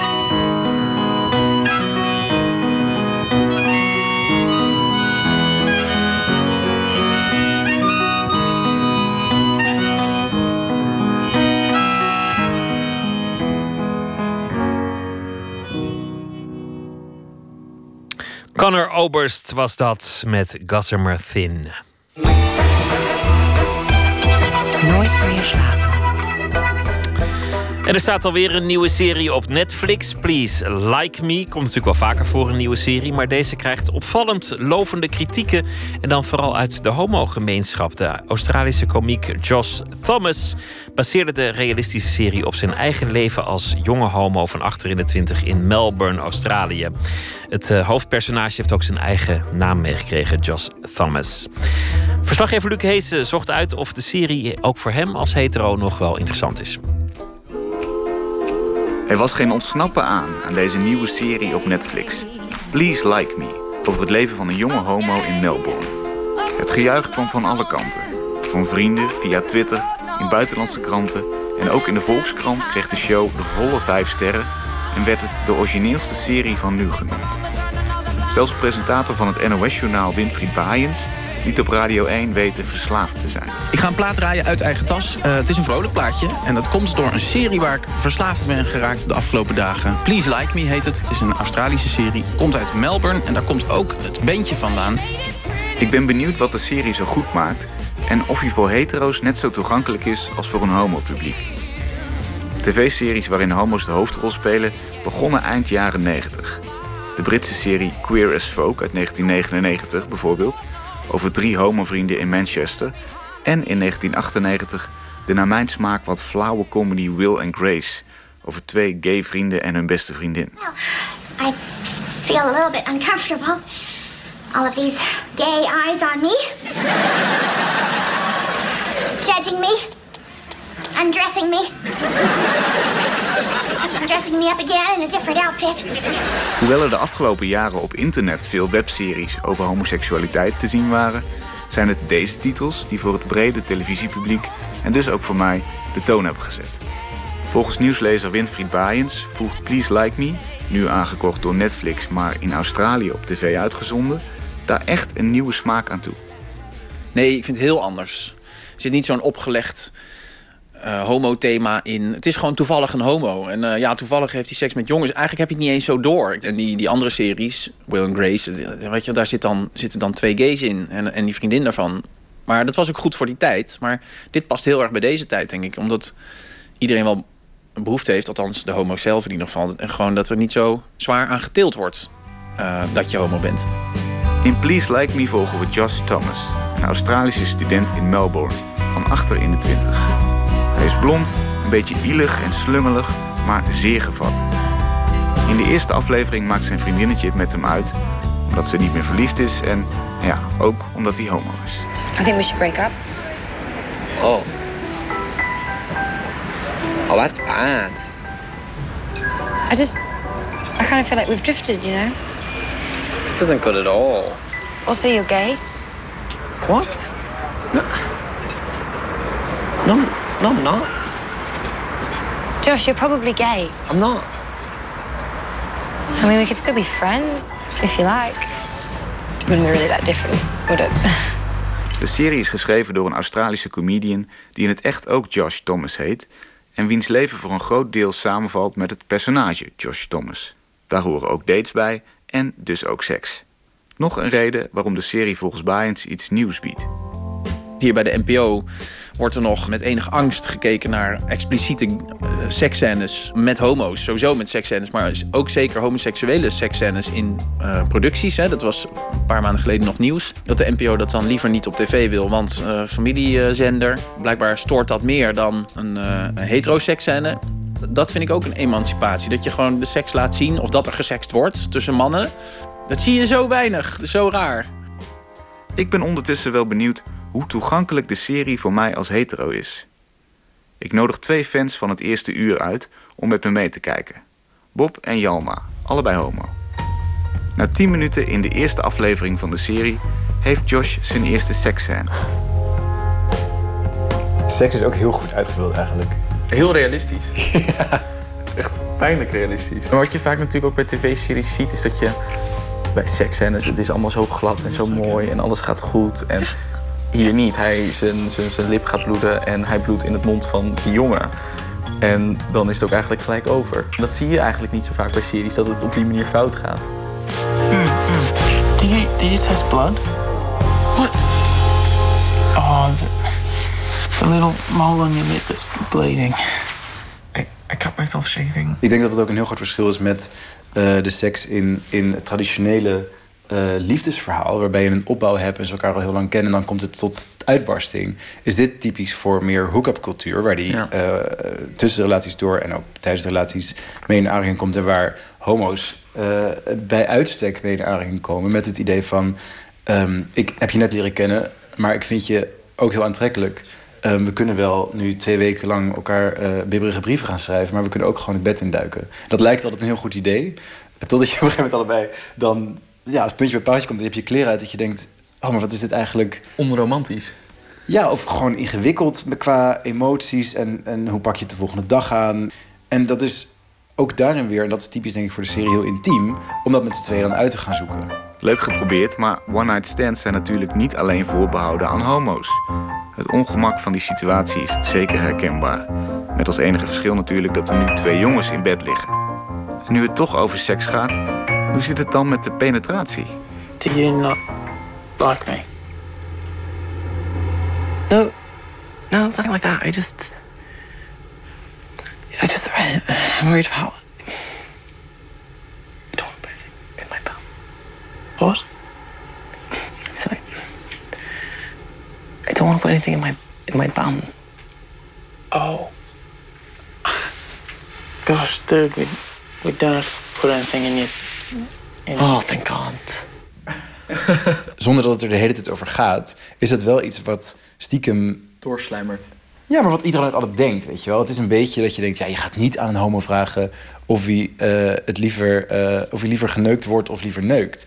Uh, mag het op de publieke omroep? Zeker. um, dat vraag je niet, maar stiekem vindt iedereen dat toch wel interessant. Ik merk bij mezelf ook dat je ook al vanzelf bij homo's gaat invullen van ja, ze nou top of ze nou bottom zijn. Ja, want hij draagt echt hele skinny jeans, dus hij is bottom. Weet ik veel. En dit zijn eigenlijk ook onder homo's hele taboe gedachten. Ja. Want je moet natuurlijk eigenlijk gewoon denken, niemand is iets. Het maakt niet uit. Iedereen is universeel en als Ja. iemand iets is, dan is het universeel. Dat is dan natuurlijk mijn, mijn eh, naïeve hetero-blik. Dat ik het niet als soort van taboe herken. Jullie denken misschien wel, ja, komt er weer iemand mij even vragen of ik top of bottom ben? Ja, die cultuur heb jij niet zo. Daar, maar tegelijkertijd heb je niet dat je als je homo's op tv ziet en ze, en ze gaan bijvoorbeeld zoenen en daarna trekken ze de deken over zich heen en daarna eh, zie je ze aan het ontbijt zitten. Dat je denkt van, nou, ik ben er toch wel benieuwd wie wat heeft uitgevoerd. Of, of... En niet eh, wie welke rol, zeg maar. Dat, zover heb ik nog nooit eh, gedacht. En nu word ik daarmee geconfronteerd en denk ik, ja, tuurlijk, is dat een kwestie. Wat me erg opvalt in Please Like Me, de personages zijn behoorlijk bot tegen elkaar. Met name Josh maakt veel cynische grappen en is niet bepaald geduldig als het gaat om het luisteren naar de problemen van zijn vrienden. Dat had ik voor lief genomen als een eigenschap van zijn karakter, maar Bob en Jalma vermoeden dat het wel eens een homo-ding kan zijn. This is about you. I'm frustrated with you, okay? Claire keeps telling me how disappointed she is with her life instead of going out and creating herself a better life. Tom keeps making the most horrible choices and everyone pretends that it's not his fault. It is your fault. Tom, Ella, it is Tom's fault. Everything. You probably should have left. Ik denk dat dit toch ook echt is hoe ehm, wij misschien omgaan met hele dramatische dingen. Ik ehm, heb veel vrienden met eh, eh, ouders die eh, de diagnose kanker krijgen. En dan bellen ze op en dan weet ik gewoon dat ze het heel irritant zouden vinden als iemand gaat zeggen van jeetje, wauw, wat moet je je kut voelen. Maar meer van, ja, dan vraag je toch van, nou, moet er een tiet af? Of eh, ehm, wat is de datum? En ben je dan net op vakantie? Of zo. Het is, we sparen elkaars gevoelens misschien niet zo erg, maar dat is misschien oprechter dan dat je eh, gaat huichelen tegen elkaar. Ja. En dat is iets wat de, deze serie echt nooit doen. Maar ik vind het wel grappig dat je zegt, misschien doen wij dat meer. Want dat is inderdaad wel, een- zo praat ik niet met mijn vrienden. Ik zou dan toch eerder die kant op gaan van wat kut. Of, of... Is dat een soort homocultuur, kun je dat zeggen? Ja, zou best wel kunnen. Je hebt toch al, je hebt al zo vaak het grootste drama van de wereld voor jouzelf meegemaakt. En dan blijkt achteraf dat iets zegt van... sorry, waarom was dit zo'n drama voor jou? Ja, ik denk vooral als je wat langer uit de kast bent en wat meer daarin zit en je vaker een coming-out hebt gehad en dat wordt steeds normaler, dat andere grote drama's misschien ook zoiets zijn van, nou ja, weet je, ik kan er wel heel zwaar over doen, maar ik kan er ook een grapje over maken en het luchtig houden. Dus dat zou goed kunnen. We blijken dus behoorlijk anders naar de serie te kijken. Maar toch deel ik het enthousiasme van Bob en Jalma. Ik besef me nu pas dat hoewel ik homoseksualiteit als iets normaals beschouw, ik het in de media nog nooit heb gezien buiten de context van een dramatisch probleem of juist iets lolligs met overdreven stereotypes. Het is eigenlijk een doodnormaal aspect in het verder herkenbare leven dat Josh in de serie leidt. Een leven dat ook gaat over dingen als vriendschap, depressie, drugs en social media. Wat mij betreft is de serie dus ook zeer toegankelijk als hetero, omdat het misschien meer over onze moderne maatschappij in zijn algemeenheid gaat. En daar wordt homoseksualiteit een steeds normaler onderdeel van. En fictie of niet, dat kan best inspirerend zijn. Ik denk nu heel vaak, als ik ergens van baal, denk ik, wat moet Josh doen? Hij is overigens helemaal niet knap, maar ik ben toch verliefd op zijn eh, geest, zijn ziel. Dit wordt heel laat uitgezonden, dus echt niet erg dat dat NOS-presentator zich totaal verliest in een twintiger serie. Zometeen hier eh, te gast Maarten Hooghuis. En dit eh, ging over de serie Please Like Me. Dat is eh, te vinden op Netflix. En in Australië zijn ze al bij het vierde seizoen overigens. Maarten Hooghuis, kortom. Hij is saxofonist en componist. Hij heeft een nieuw album. Hij komt hier zo meteen wat over vertellen. En dit nummer heet Samuel.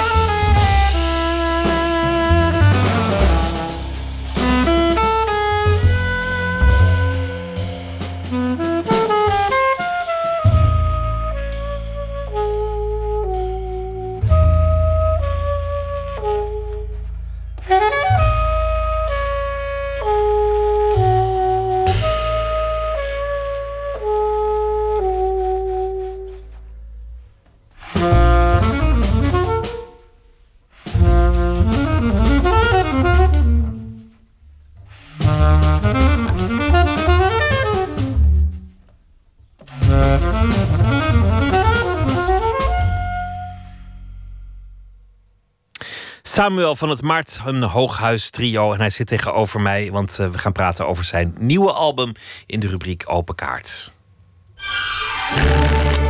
Open kaart. Dat album is zijn tweede, dat heet eh, Mimicry. En dat heeft hij gemaakt met zijn eigen trio. Hij speelt ook nog bij zijn eigen kwartet. Het Maarten Hogenhuis Kwartet en de band Bruut. Die eh, swingende super jazz maakt. En eh, de rubriek, dat zijn 150 vragen over werk en leven in een kaartenbak. Maarten Hogenhuis, hartelijk welkom.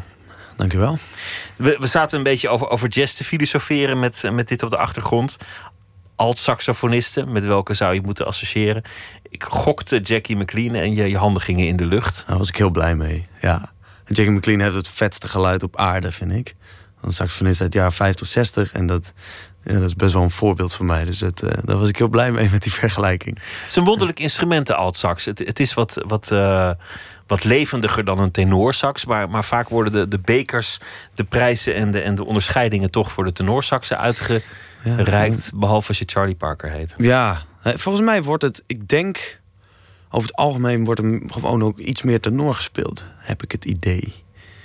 Hoe, kwam, hoe kwam jij terecht bij, bij deze lengte? Want, want hoe gaat zoiets eigenlijk? Je gaat Nou, spelen en dan, en dan krijg je op een gegeven moment een instrument. Ja, het, wa het, was, het was een soort van toeval. Ik had een viool voor een paar weekjes, mocht ik uitproberen. En ik was een beetje aan het improviseren met mijn vader, muzikant ook. En eh, een week later ging ik naar de muziekschool, zag ik twee meisjes, hoorde ik viool spelen. Het was zo afgrijzelijk dat ik, dat ik meteen dat ding zeg maar inleverde en zei: Dit wil ik echt nooit doen. En lokaal daarnaast was het saxofoonlokaal. En daar was een. eh, eh, een lerares was saxofoon aan het spelen. En ik vond dat ding zo mooi. Hij glom. En dat was een rood-koperen, rood, eh, koperkleurige saxofoon. Dus ik was ook meteen helemaal onder de indruk van hoe hard het was en hoe, hoeveel die glom. Dus wat was eigenlijk was, waren dat eigenlijk de twee redenen dat ik alt-saxofoon ben gaan spelen. Als je begint met viool spelen, dan klinkt het ook heel lang heel afgrijzelijk. En een enkeling die kan daaraan zich onttrekken. En, en dan gaat het heel mooi klinken op een gegeven Ja. moment. Bij saxofoon kun je, als je geluk hebt, al vrij snel een vrij aardige klank voortbrengen. Ja, dat klopt wel. Dat klopt, ja. Ja. Het is, het is over het algemeen... Ik, heb, ik zeg ook wel tegen mensen als ze vragen van... is dat moeilijk? Ik denk over het algemeen saxofoon niet één van de meest moeilijke instrumenten. Ik bedoel, trompet is veel uitdagender. Daar moet je veel meer voor geboren zijn. Je moet trompetlippen hebben. Je- er, er is niet zoiets als saxofoonlippen of zo. Het is gewoon... Je blaast en... Het geluid moet in je hoofd zitten. Dat is het enige wat, wat mensen van elkaar onderscheidt. Maar in principe kan iedereen saxofoon spelen. Maar echt virtuoos worden, dat is altijd maar aan een paar besteed. Dan kom je al vrij snel in de jazz terecht. Hoewel in, in- vroeger was het nog wel een instrument dat in de pop eh, hoge ogen scoorde. Maar tegenwoordig is saxofoon een instrument voor de jazz. Had jij iets met jazz? Wa- Was er thuis jazz? Kende je dat al? Nee, eigenlijk niet. Mijn vader is eh, componist, fluitist. En heeft heel lang eh, fluitorkesten gehad en was fluitleraar. En hij was on- onwijs klassiek geschoold. Echt, hij kende ook bijna, hij kende geen jazz eigenlijk. Hij heeft mij alleen op een gegeven moment toen ik, ik schat dat ik een jaar of twaalf was, toen dacht hij van ja, die jongen die neigt toch iets meer naar pop en naar jazz. Dus laat ik hem meenemen naar, eh, ik kom uit Leeuwarden, zijn we speciaal naar Amsterdam gegaan om daar een jazz CD te kopen. En hij wist ook niet zoveel, maar hij wist wel van John Coltrane is volgens mij best wel een bekende naam. Laat, laat ik daar maar wat van kopen. Toen heeft hij voor mij Blue Train gekocht. Meteen ook de- de- de bekendste, ja, de gewoon een mijlpaalplaat is. En dat, dat is de beste keuze die mijn vader ooit heeft gemaakt. Is die plaat met mij kopen. Toen was je ook betoverd door het Ik was wel meteen. Nou, ik was. Ik luisterde alleen maar naar Michael Jackson tot mijn twaalfde. Ik had, ik, had, ik had zes bandjes en het waren alleen maar Michael Jackson bandjes. En het klinkt heel hi-fi, heel mooi. Veel hoog, veel laag, lekker, lekker dik geluid. En het eerste wat me opviel van die oude plaat uit 19, volgens mij komt die uit 1956, Blue Train, was dat het allemaal een beetje dof klonk. En het, eh, weet je, was, ik vond het niet zo, eh, ja, niet, niet zo in your face als ik eh, hoopte. Maar er waren wel twee stukken, de snelle stukken, vond ik toen het vetst. Locomotion en Blue Train. En die heb ik helemaal, helemaal grijs gedraaid. Hoe is het verder gegaan? Want, want dan ben je op een zeker ogenblik jazzmuzikant. Dan- Dan, dan zijn er nog eindeloze mogelijkheden. En is, is het ook nog een taak om je eigen richting en je eigen geluid Ja. te, te vinden. Hoe, hoe doe je dat? Nou, ik ben eigenlijk. Ik heb eigenlijk eh, heel veel funk en pop gespeeld. Ik ben pas serieus met jazz begonnen toen ik 17 was, denk ik. Dus dat traject duurde best wel lang. Ehm, daardoor heb ik wel in funk moet je, moet je, ben je eigenlijk alleen maar bezig met ritme. Met, met groove. En, eh, dus dat heb ik heel lang gedaan. En ik denk dat ik daar uiteindelijk heel blij mee ben. Dat dat ook een punt is waar ik, waar ik me comfortabel bij voel. Zeg maar. Timing en, en, en groove. En dan ben ik langzaam, dacht ik van ja, die funk die is te gek, maar ik zoek iets meer diepte. Of zo. Ik zoek een bepaalde diepgang die ik in die muziek niet voor elkaar wist te boksen. En eh, toen ben ik toch weer langzaam, nou, met Blue Train, zo langzaam teruggegaan, de jazz in, zeg maar. En daar ben ik steeds meer door gegrepen. En ik, dat wordt alleen maar meer, nog steeds, zeg maar. Dat, eh, dat proces is nog ja, niet, eh, nog zeker. niet ten nee, einde. Dat, dat duurt nog heel lang. Er zijn twee woorden in de geschiedenis van de jazz die altijd samengaan. Dat is jazz en, en armoede. Ja. Bij de muzikanten. Geldt dat voor jou ook? Ehm, nee, ik, ik, ik, eh, ik, ben, ik bevind me in een positie dat ik mezelf. Nee, ik ben zeker niet arm. Ik kan er van rondkomen van alleen muziek maken. Maar dat is niet. eh, dat, ik hoef er niks naast te doen en dat is best wel luxe. En eh, dat is zeker niet, niet eh, gebruikelijk. Dat je er nog, veel mensen hebben er een baantje bij. Ja, precies. En eh, de meeste zijn dan wel muziekleraar. Dus dan wat is ook geen vreselijke concessie. Maar ik ben wel zeer vereerd dat ik zeg maar alleen van muziek kan rondkomen. En ik, ik woon mooi en ik, ik heb niks te klagen. Ik heb eh, Mooi. een goed leven. Ja. Goed om te horen. We gaan beginnen met eh, de, de vragen. Hier is eh, de bak. Ga je gang. Moet ik random pakken of zal ik Eh, gewoon de voorste pakken? Of? Ja, de- ik vind de voorste, die zag ik toevallig. Is wel een mooie. Vind ik wel een mooie. Wie is je grote voorbeeld? Oh man, dat varieert per week. Maar ehm, ik denk. Nou, de reden dat ik echt, de echt door jazz ben gegrepen, dat komt door Benjamin Herman. Dat is, eh, ik bedoel, redelijk in Nederland echt een wel een bekende saxofonist. Alt-saxofonist. En ehm, ook iemand die heel erg genre-overstijgende platen maakt. En hij maakte ooit een plaat die heet Get In. En dat was hele bewegelijke jazz en best wel funky. En dat was voor mij eh, echt een, een, een keerpunt, die plaat. Dus toen ik die hoorde, dacht ik van... oh, de, want ik voelde me altijd een beetje te dom voor jazz. Dus ik dacht van, nou, dat gaat me toch nooit lukken. Weet je. Ik, ben, eh, ik blijf wel bij funk en... Maar dat was een soort van, oh wacht, volgens mij, dit is wel een beetje de richting die ik wil. En dat was voor mij echt een beetje eh, hoopvol, zeg maar. Gaf me echt heel veel hoop, die plaat. En ik, ik had nog nooit zo iemand gehoord en ik ben nog steeds een enorm fan van hem. Hij maakt jazz die, die aan, aan de ene kant complex en interessant is, maar tegelijk ook eh, mooi, prettig, verleidelijk. Ja, eh, en sexy. Ja, hip. on- en onwijs toegankelijk. Ja. Er zijn zoveel mensen die over Benjamin zeggen... ik hou niet van jazz, maar ik vind Benjamin Herman wel leuk of zo. Weet je. En dat is, dat is, eh, dan heb je eigenlijk best wel iets goeds gedaan, volgens mij. Als je die mensen voor je weet te winnen... dan zit er dus een soort waarheid in je spel... die, die door meer, meer mensen wordt herkend of zo. Dat is ook wel iets waar ik ook wel voor probeer te gaan, zeg maar. Trek nog een kaart als je wil. Waar geef je het meeste geld aan uit? Waar geef je het meeste geld aan uit? Ehm, nou, ja, nou, mijn cd. Om een cd-productie eh, zelf op te hoesten, dat is eh, flink... eh, dat is wel, wel pittig. Studiokosten. Studiokosten. Het, het persen, hoesje, nou ja. Alles, ja. Alles. Het schrijven, mijn muzikanten betalen. Het is een enorme kostbare productie die je er in deze tijd niet meer uithaalt, mag ik wel zeggen. Maar ik ben er voor gekozen om een mooie productie te maken. Dus ik, ik wilde geen concessies doen.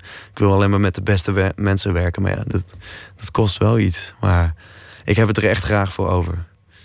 Ja. Neem nog een kaart. Heb je tatoeages? Nee. Ik heb geen tatoeages. Nou, daar kunnen we kort over zijn. Ik heb ook geen plannen om dat eh, te Korte doen. termijn te realiseren. Bij wie ben je in de leer geweest? Bij velen. Heel veel mensen. Ik heb aan het conservatorium van Amsterdam gestudeerd. Ehm, bij Jasper Blom. Oh ja, toch ook een mooie. eh, een onwijs eh, goede saxofonist, ja. Ehm, en de eerste drie jaar snapte ik helemaal niks van, van hem of van, eh, van het conservatorium. Ik, ik vond het allemaal maar, ja, moet dat nou? En, ik, ik wist zelf wel een beetje hoe de vork in de stil zat, dacht ik. En toen ben ik naar Philadelphia gegaan voor vier maanden op eh, exchange. En daar heb ik gestudeerd bij Dick Oates. En dat, is, dat is ook een van mijn absolute helden. En eh, die school was, was te gek. Ik had niks anders. Ik, Philadelphia is niet een hele hartelijke stad. Het is best wel, eh, best wel hard daar. En ik had eigenlijk alleen maar mijn studieruimte, mijn saxofoon. En, en ja, ik heb wel wat vrienden gemaakt daar. Maar ik was echt een beetje op mezelf eh, geworpen. En dat was eigenlijk een keerpunt dat ik veel serieuzer over mijn muziek ben gaan nadenken. En toen ik terugkwam, toen studeerde ik af aan het conservatorium van Amsterdam. En toen ben ik een half jaar, anderhalf jaar ben ik gewoon gaan spelen. En toen merkte ik dat ik zoveel dingen niet kon eh, waar ik tegenaan liep. En toen luisterde ik lessen terug die ik had opgenomen met Jasper. Toen dacht ik van, man, ik moet dit echt nog eens een keer opnieuw doen. Toen ben ik weer teruggegaan. Toen heb ik nog twee jaar master gedaan. En eigenlijk heb ik in een notendop, zeg maar, die vier jaar die ik eerst had gedaan, heb ik nog een keer overgedaan bij Jasper. En toen goed. En toen goed, zeg maar. En toen heb ik eh, het veel serieuzer genomen. Maar dat was een hele goede keuze. Daar ben ik heel blij mee geweest. Ja. Philadelphia is wel een jazzstad. Zeker. Het is, bedoel, het is niet zoals New York of, of New Orleans, maar de- v- veel grootheden zijn daar neergestreken. Coltrane die heeft er heel lang gewoond. Sonny Rollins heeft er gewoond. Er zijn, en de, de- het leeft daar nog steeds hoor. Er zijn heel veel ook best wel oude muzikanten die nog met al die, al die mensen gespeeld hebben, maar die zijn wel blijven hangen. Eh, ja, en er is een, een levendige scene. Het is geen, inderdaad geen New York, maar het vette was wel. New York was 2,5 uur met de bus vandaan. Eh, verder weg. En ik ben daar echt vijf keer naartoe geweest. En eh, dat is nog wel even een stapje, stapje hoger. Ja. Neem nog een kaart als je wil. Yes. Waarvan heb je spijt? Oh, waarvan heb ik spijt? Nou, ik- ja, ik heb, ik heb wel spijt van. Ik voel soms wel een beetje alsof die eerste paar jaar van het conservatorium. Dan ben je twintig, hè, rond de 20, 1920 was ik. Dan ben je echt een spons. En achteraf gezien had ik die tijd echt wel veel meer willen, willen, willen benutten. Dus dat ik zeg maar terug ben gegaan voor die master, ben ik uiteindelijk heel blij mee. Maar stel je voor dat, Dat je- dat je meteen weet had begrepen, ja. Daar heb ik wel spijt van. Hoor. Dan, dan ga je toch denken van, oké, ik heb nou mijn tweede plaat uit, weet je. Dat is, eh, ik heb bepaalde doelen voor mijn derde plaat nu al, eh, of, of hoe vaag ze ook zijn, maar was ik nu zeg maar al bij mijn derde plaat geweest? Of, of weet je, dat, dat ga je dan wel afvragen. Dat heb ik soms echt wel, daar denk ik wel eens over na. Ja. Spijt moet je ook weer niet te veel tijd aan. eh, nee hoor, aan ik lig ook niet wakker van. Nee. Laten we nog één kaart doen. Nog eentje. Wie moet er dood? Tjeus. Zo. Wie moet er dood? Ja, nee, dat, dat gun je niemand, toch? Nee, en in de jazz is eigenlijk iedereen al. Al- ja. Ja, nou laat ik zeggen, Benny Golson moet niet dood. Dat is de enige, hè? Een van de wijn. Sonny Rollins moet niet dood. Die leven, die leven nog. Wie moet er dood? Nou, dat kan ik niet beantwoorden. Nee. Dat kan ik echt niet beantwoorden. Benny Golson zag ik, zag ik niet zo lang geleden optreden. Die, die, die speelt Ja. nog even mooi. Och man, ja. Hij, hij vertelt eindeloze anekdotes. Ja. Hij staat zijn halve optreden Ja. Verhalen te vertellen. Maar het is, het is natuurlijk toch prachtig als, als er een paar nog, nog leven. Ja. Het is, het is, ik zag hem, ik moest met Bruut, eh, een band van mij, moest ik spelen in Polen. En het was een jazzfestival waar hij speelde, met, eh, onder andere met Eddie Henderson. Dat is ook een trompetist, best wel een grootheid. En Elvin Queen. Ehm, dat is een hele, hele, hele, ook een oude drummer die inmiddels is overleden, dacht ik. En eh, als je bij zo iemand in de buurt staat en je, staat, je ziet hem optreden, dan komt er een soort besef over je dat je in, in een ruimte staat met de geschiedenis of zo. Dat je deel uitmaakt van, van de geschiedenis, omdat je Benny Golson ziet spelen. Weet je. Benny Golson stond op, op een paar van de allereerste jazz-cd's die ik ooit heb ge- gekocht. Dat was Benny Golson is, is een begrip. Dat is echt wel heel gaaf als je weet dat zijn hand die van Zoveel- Coltrane heeft aangeraakt. Of En zo. zoveel standards heeft geschreven. Man, die, die, ja. eh, maar ook leuk vooral vind ik dat, dat zoveel jonge mensen het oppakken en ermee verder gaan. En dat, Ja. het, eh, dat, dat, dat die traditie doorgaat. En daarom is het ook niet. eh, daarom hoop ik dat de jazz ook heel levendig blijft. Het is, er komen heel veel dingen terug. Iedereen jat van elkaar. Weet je, op een goede manier. Daarom heet mijn plaat ook Mimicry. Omdat ik. Het is gewoon nabootsing van, van je collega's. Weet je. Daar, daarom kan die muziek voortbestaan, zeg maar. En ermee verder gaan. Ja. Dank dat je te gast wilde zijn. Heel veel succes, Maarten Heel erg Hooghuis. bedankt. Dankjewel. Dankjewel. Hij schreef eh, nummers als Lean on Me en Ain't No Sunshine en Just the Two of Us en A Lovely Day. Maar ook de bittere kant van de liefde was hem niet onbekend. En daar gaat eh, dit nummer over. Who is he and what is he to you? Hier is Bill Withers.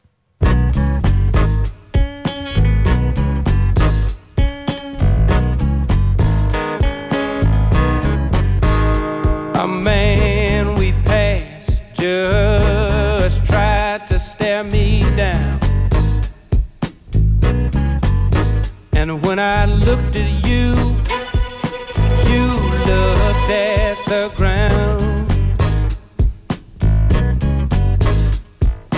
I don't know who he is, but I think that you do.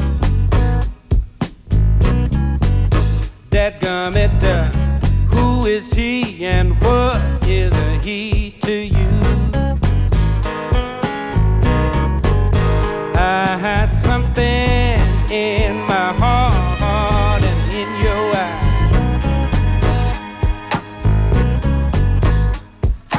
Tells me he's not someone just passing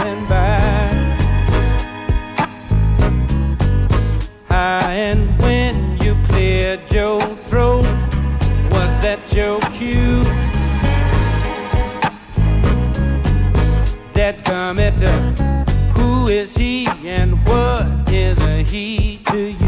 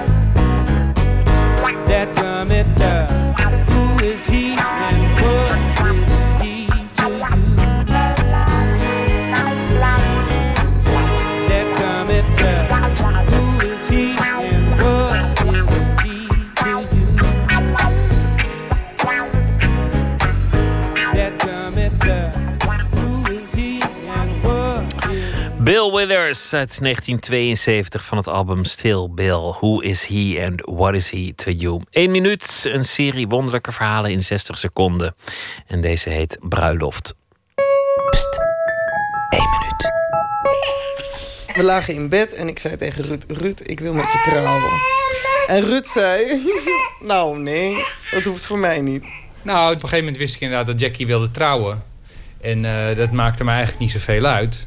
Maar Jackie wilde een hele grote bruiloft. Dus ik zei van, nou ja, als jij 10.000 euro hebt om, eh, om een grote bruiloft van te betalen, vind ik prima. Ik stak dat in mijn zak en de volgende dag zit ik voor de tv. Komt er een, een, een reclamespotje voorbij. Heb jij 20.000 euro nodig, geef je dan nu op voor Judas Game. Dus ik dacht, dat doe ik. Nou, je zit met zes kandidaten een, eh, een spel te doen op televisie. En daarvoor moet je de rest eh, van de kandidaten bedriegen. Ja, ik heb zeg maar eh, een medekandidaat met een dwarslesie die één droom had. eh, Die heb ik buiten spel gezet, zodat hij met 0 euro naar huis ging en ik met 20.000. En toen, toen, eh, toen hadden we geld om te trouwen. En eh, toen heb ik er ook ten huwelijk gevraagd. Ja, ja, Dat ja. hadden we zo afgesproken. En je was ook, eh, je was ook wel trots, dacht ik. Ja, jij ook toch? Ik was heel trots op je.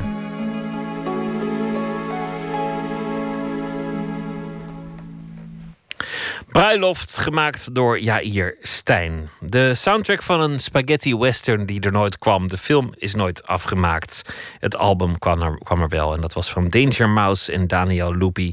En eh, de zang is van Jack White en het nummer heet Two Against One.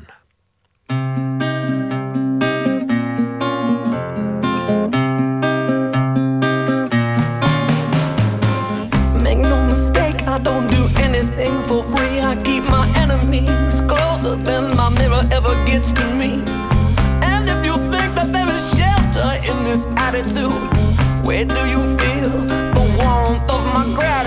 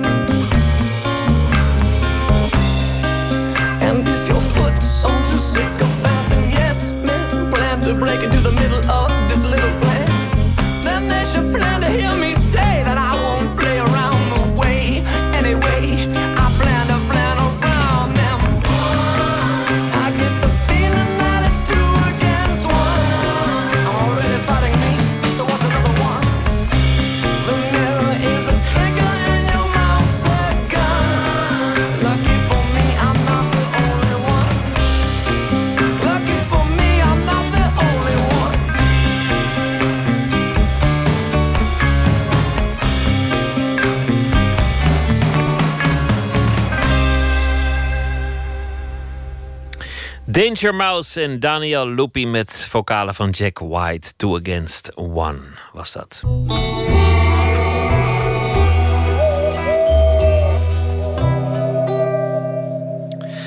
Katelijn Schilder is schrijver van eh, korte verhalen en van romans. En ook schrijfdocent. En deze week zal ze elke nacht een verhaal maken bij de dag die achter ons ligt. Katelijn, goeienacht. Dag Pieter. Vertel, wat, eh, wat hield je bezig vandaag? Welke dag hebben we aan ons voorbij laten gaan? Nou, ik las vandaag een heel goed artikel van Twan Heijmans in de Volkskrant.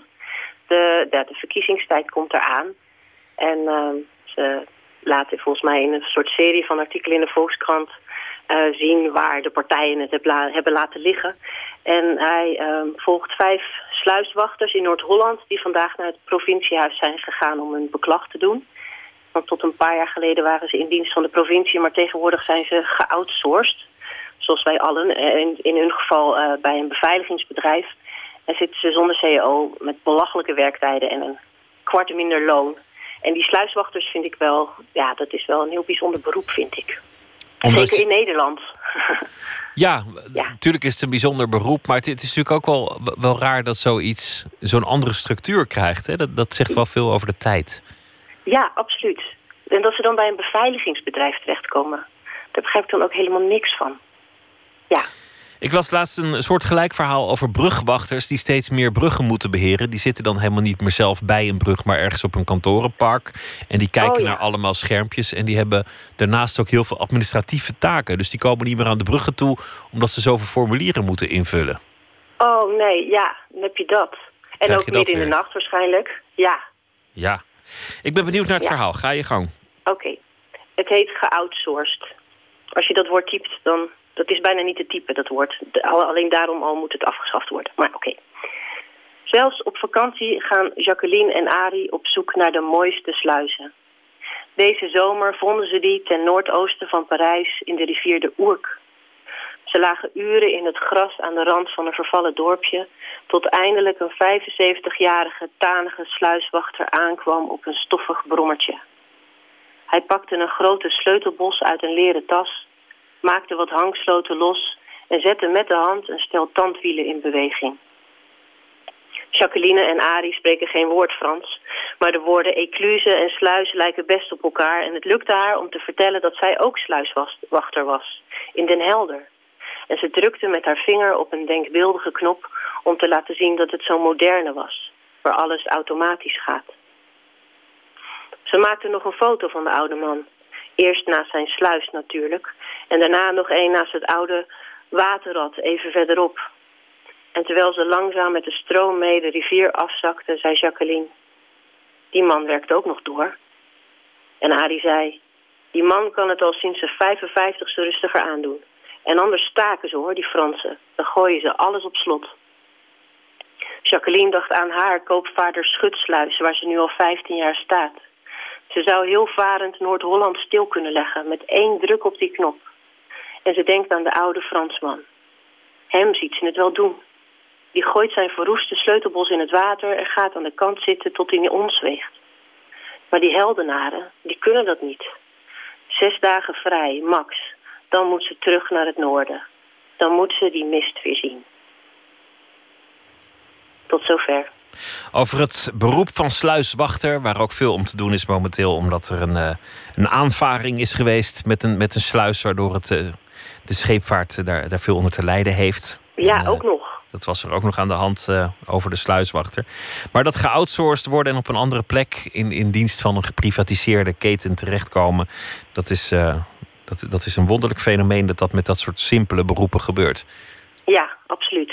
Ja, Dankjewel voor het verhaal, Katelijn. Morgen weer. graag gedaan. Dag. Joe. Bush is een eh, Britse band, vooral actief in de late jaren 90. En eh, ze horen bij de nasleep van de grunge-beweging. Dit nummer heet Letting the Cables Sleep.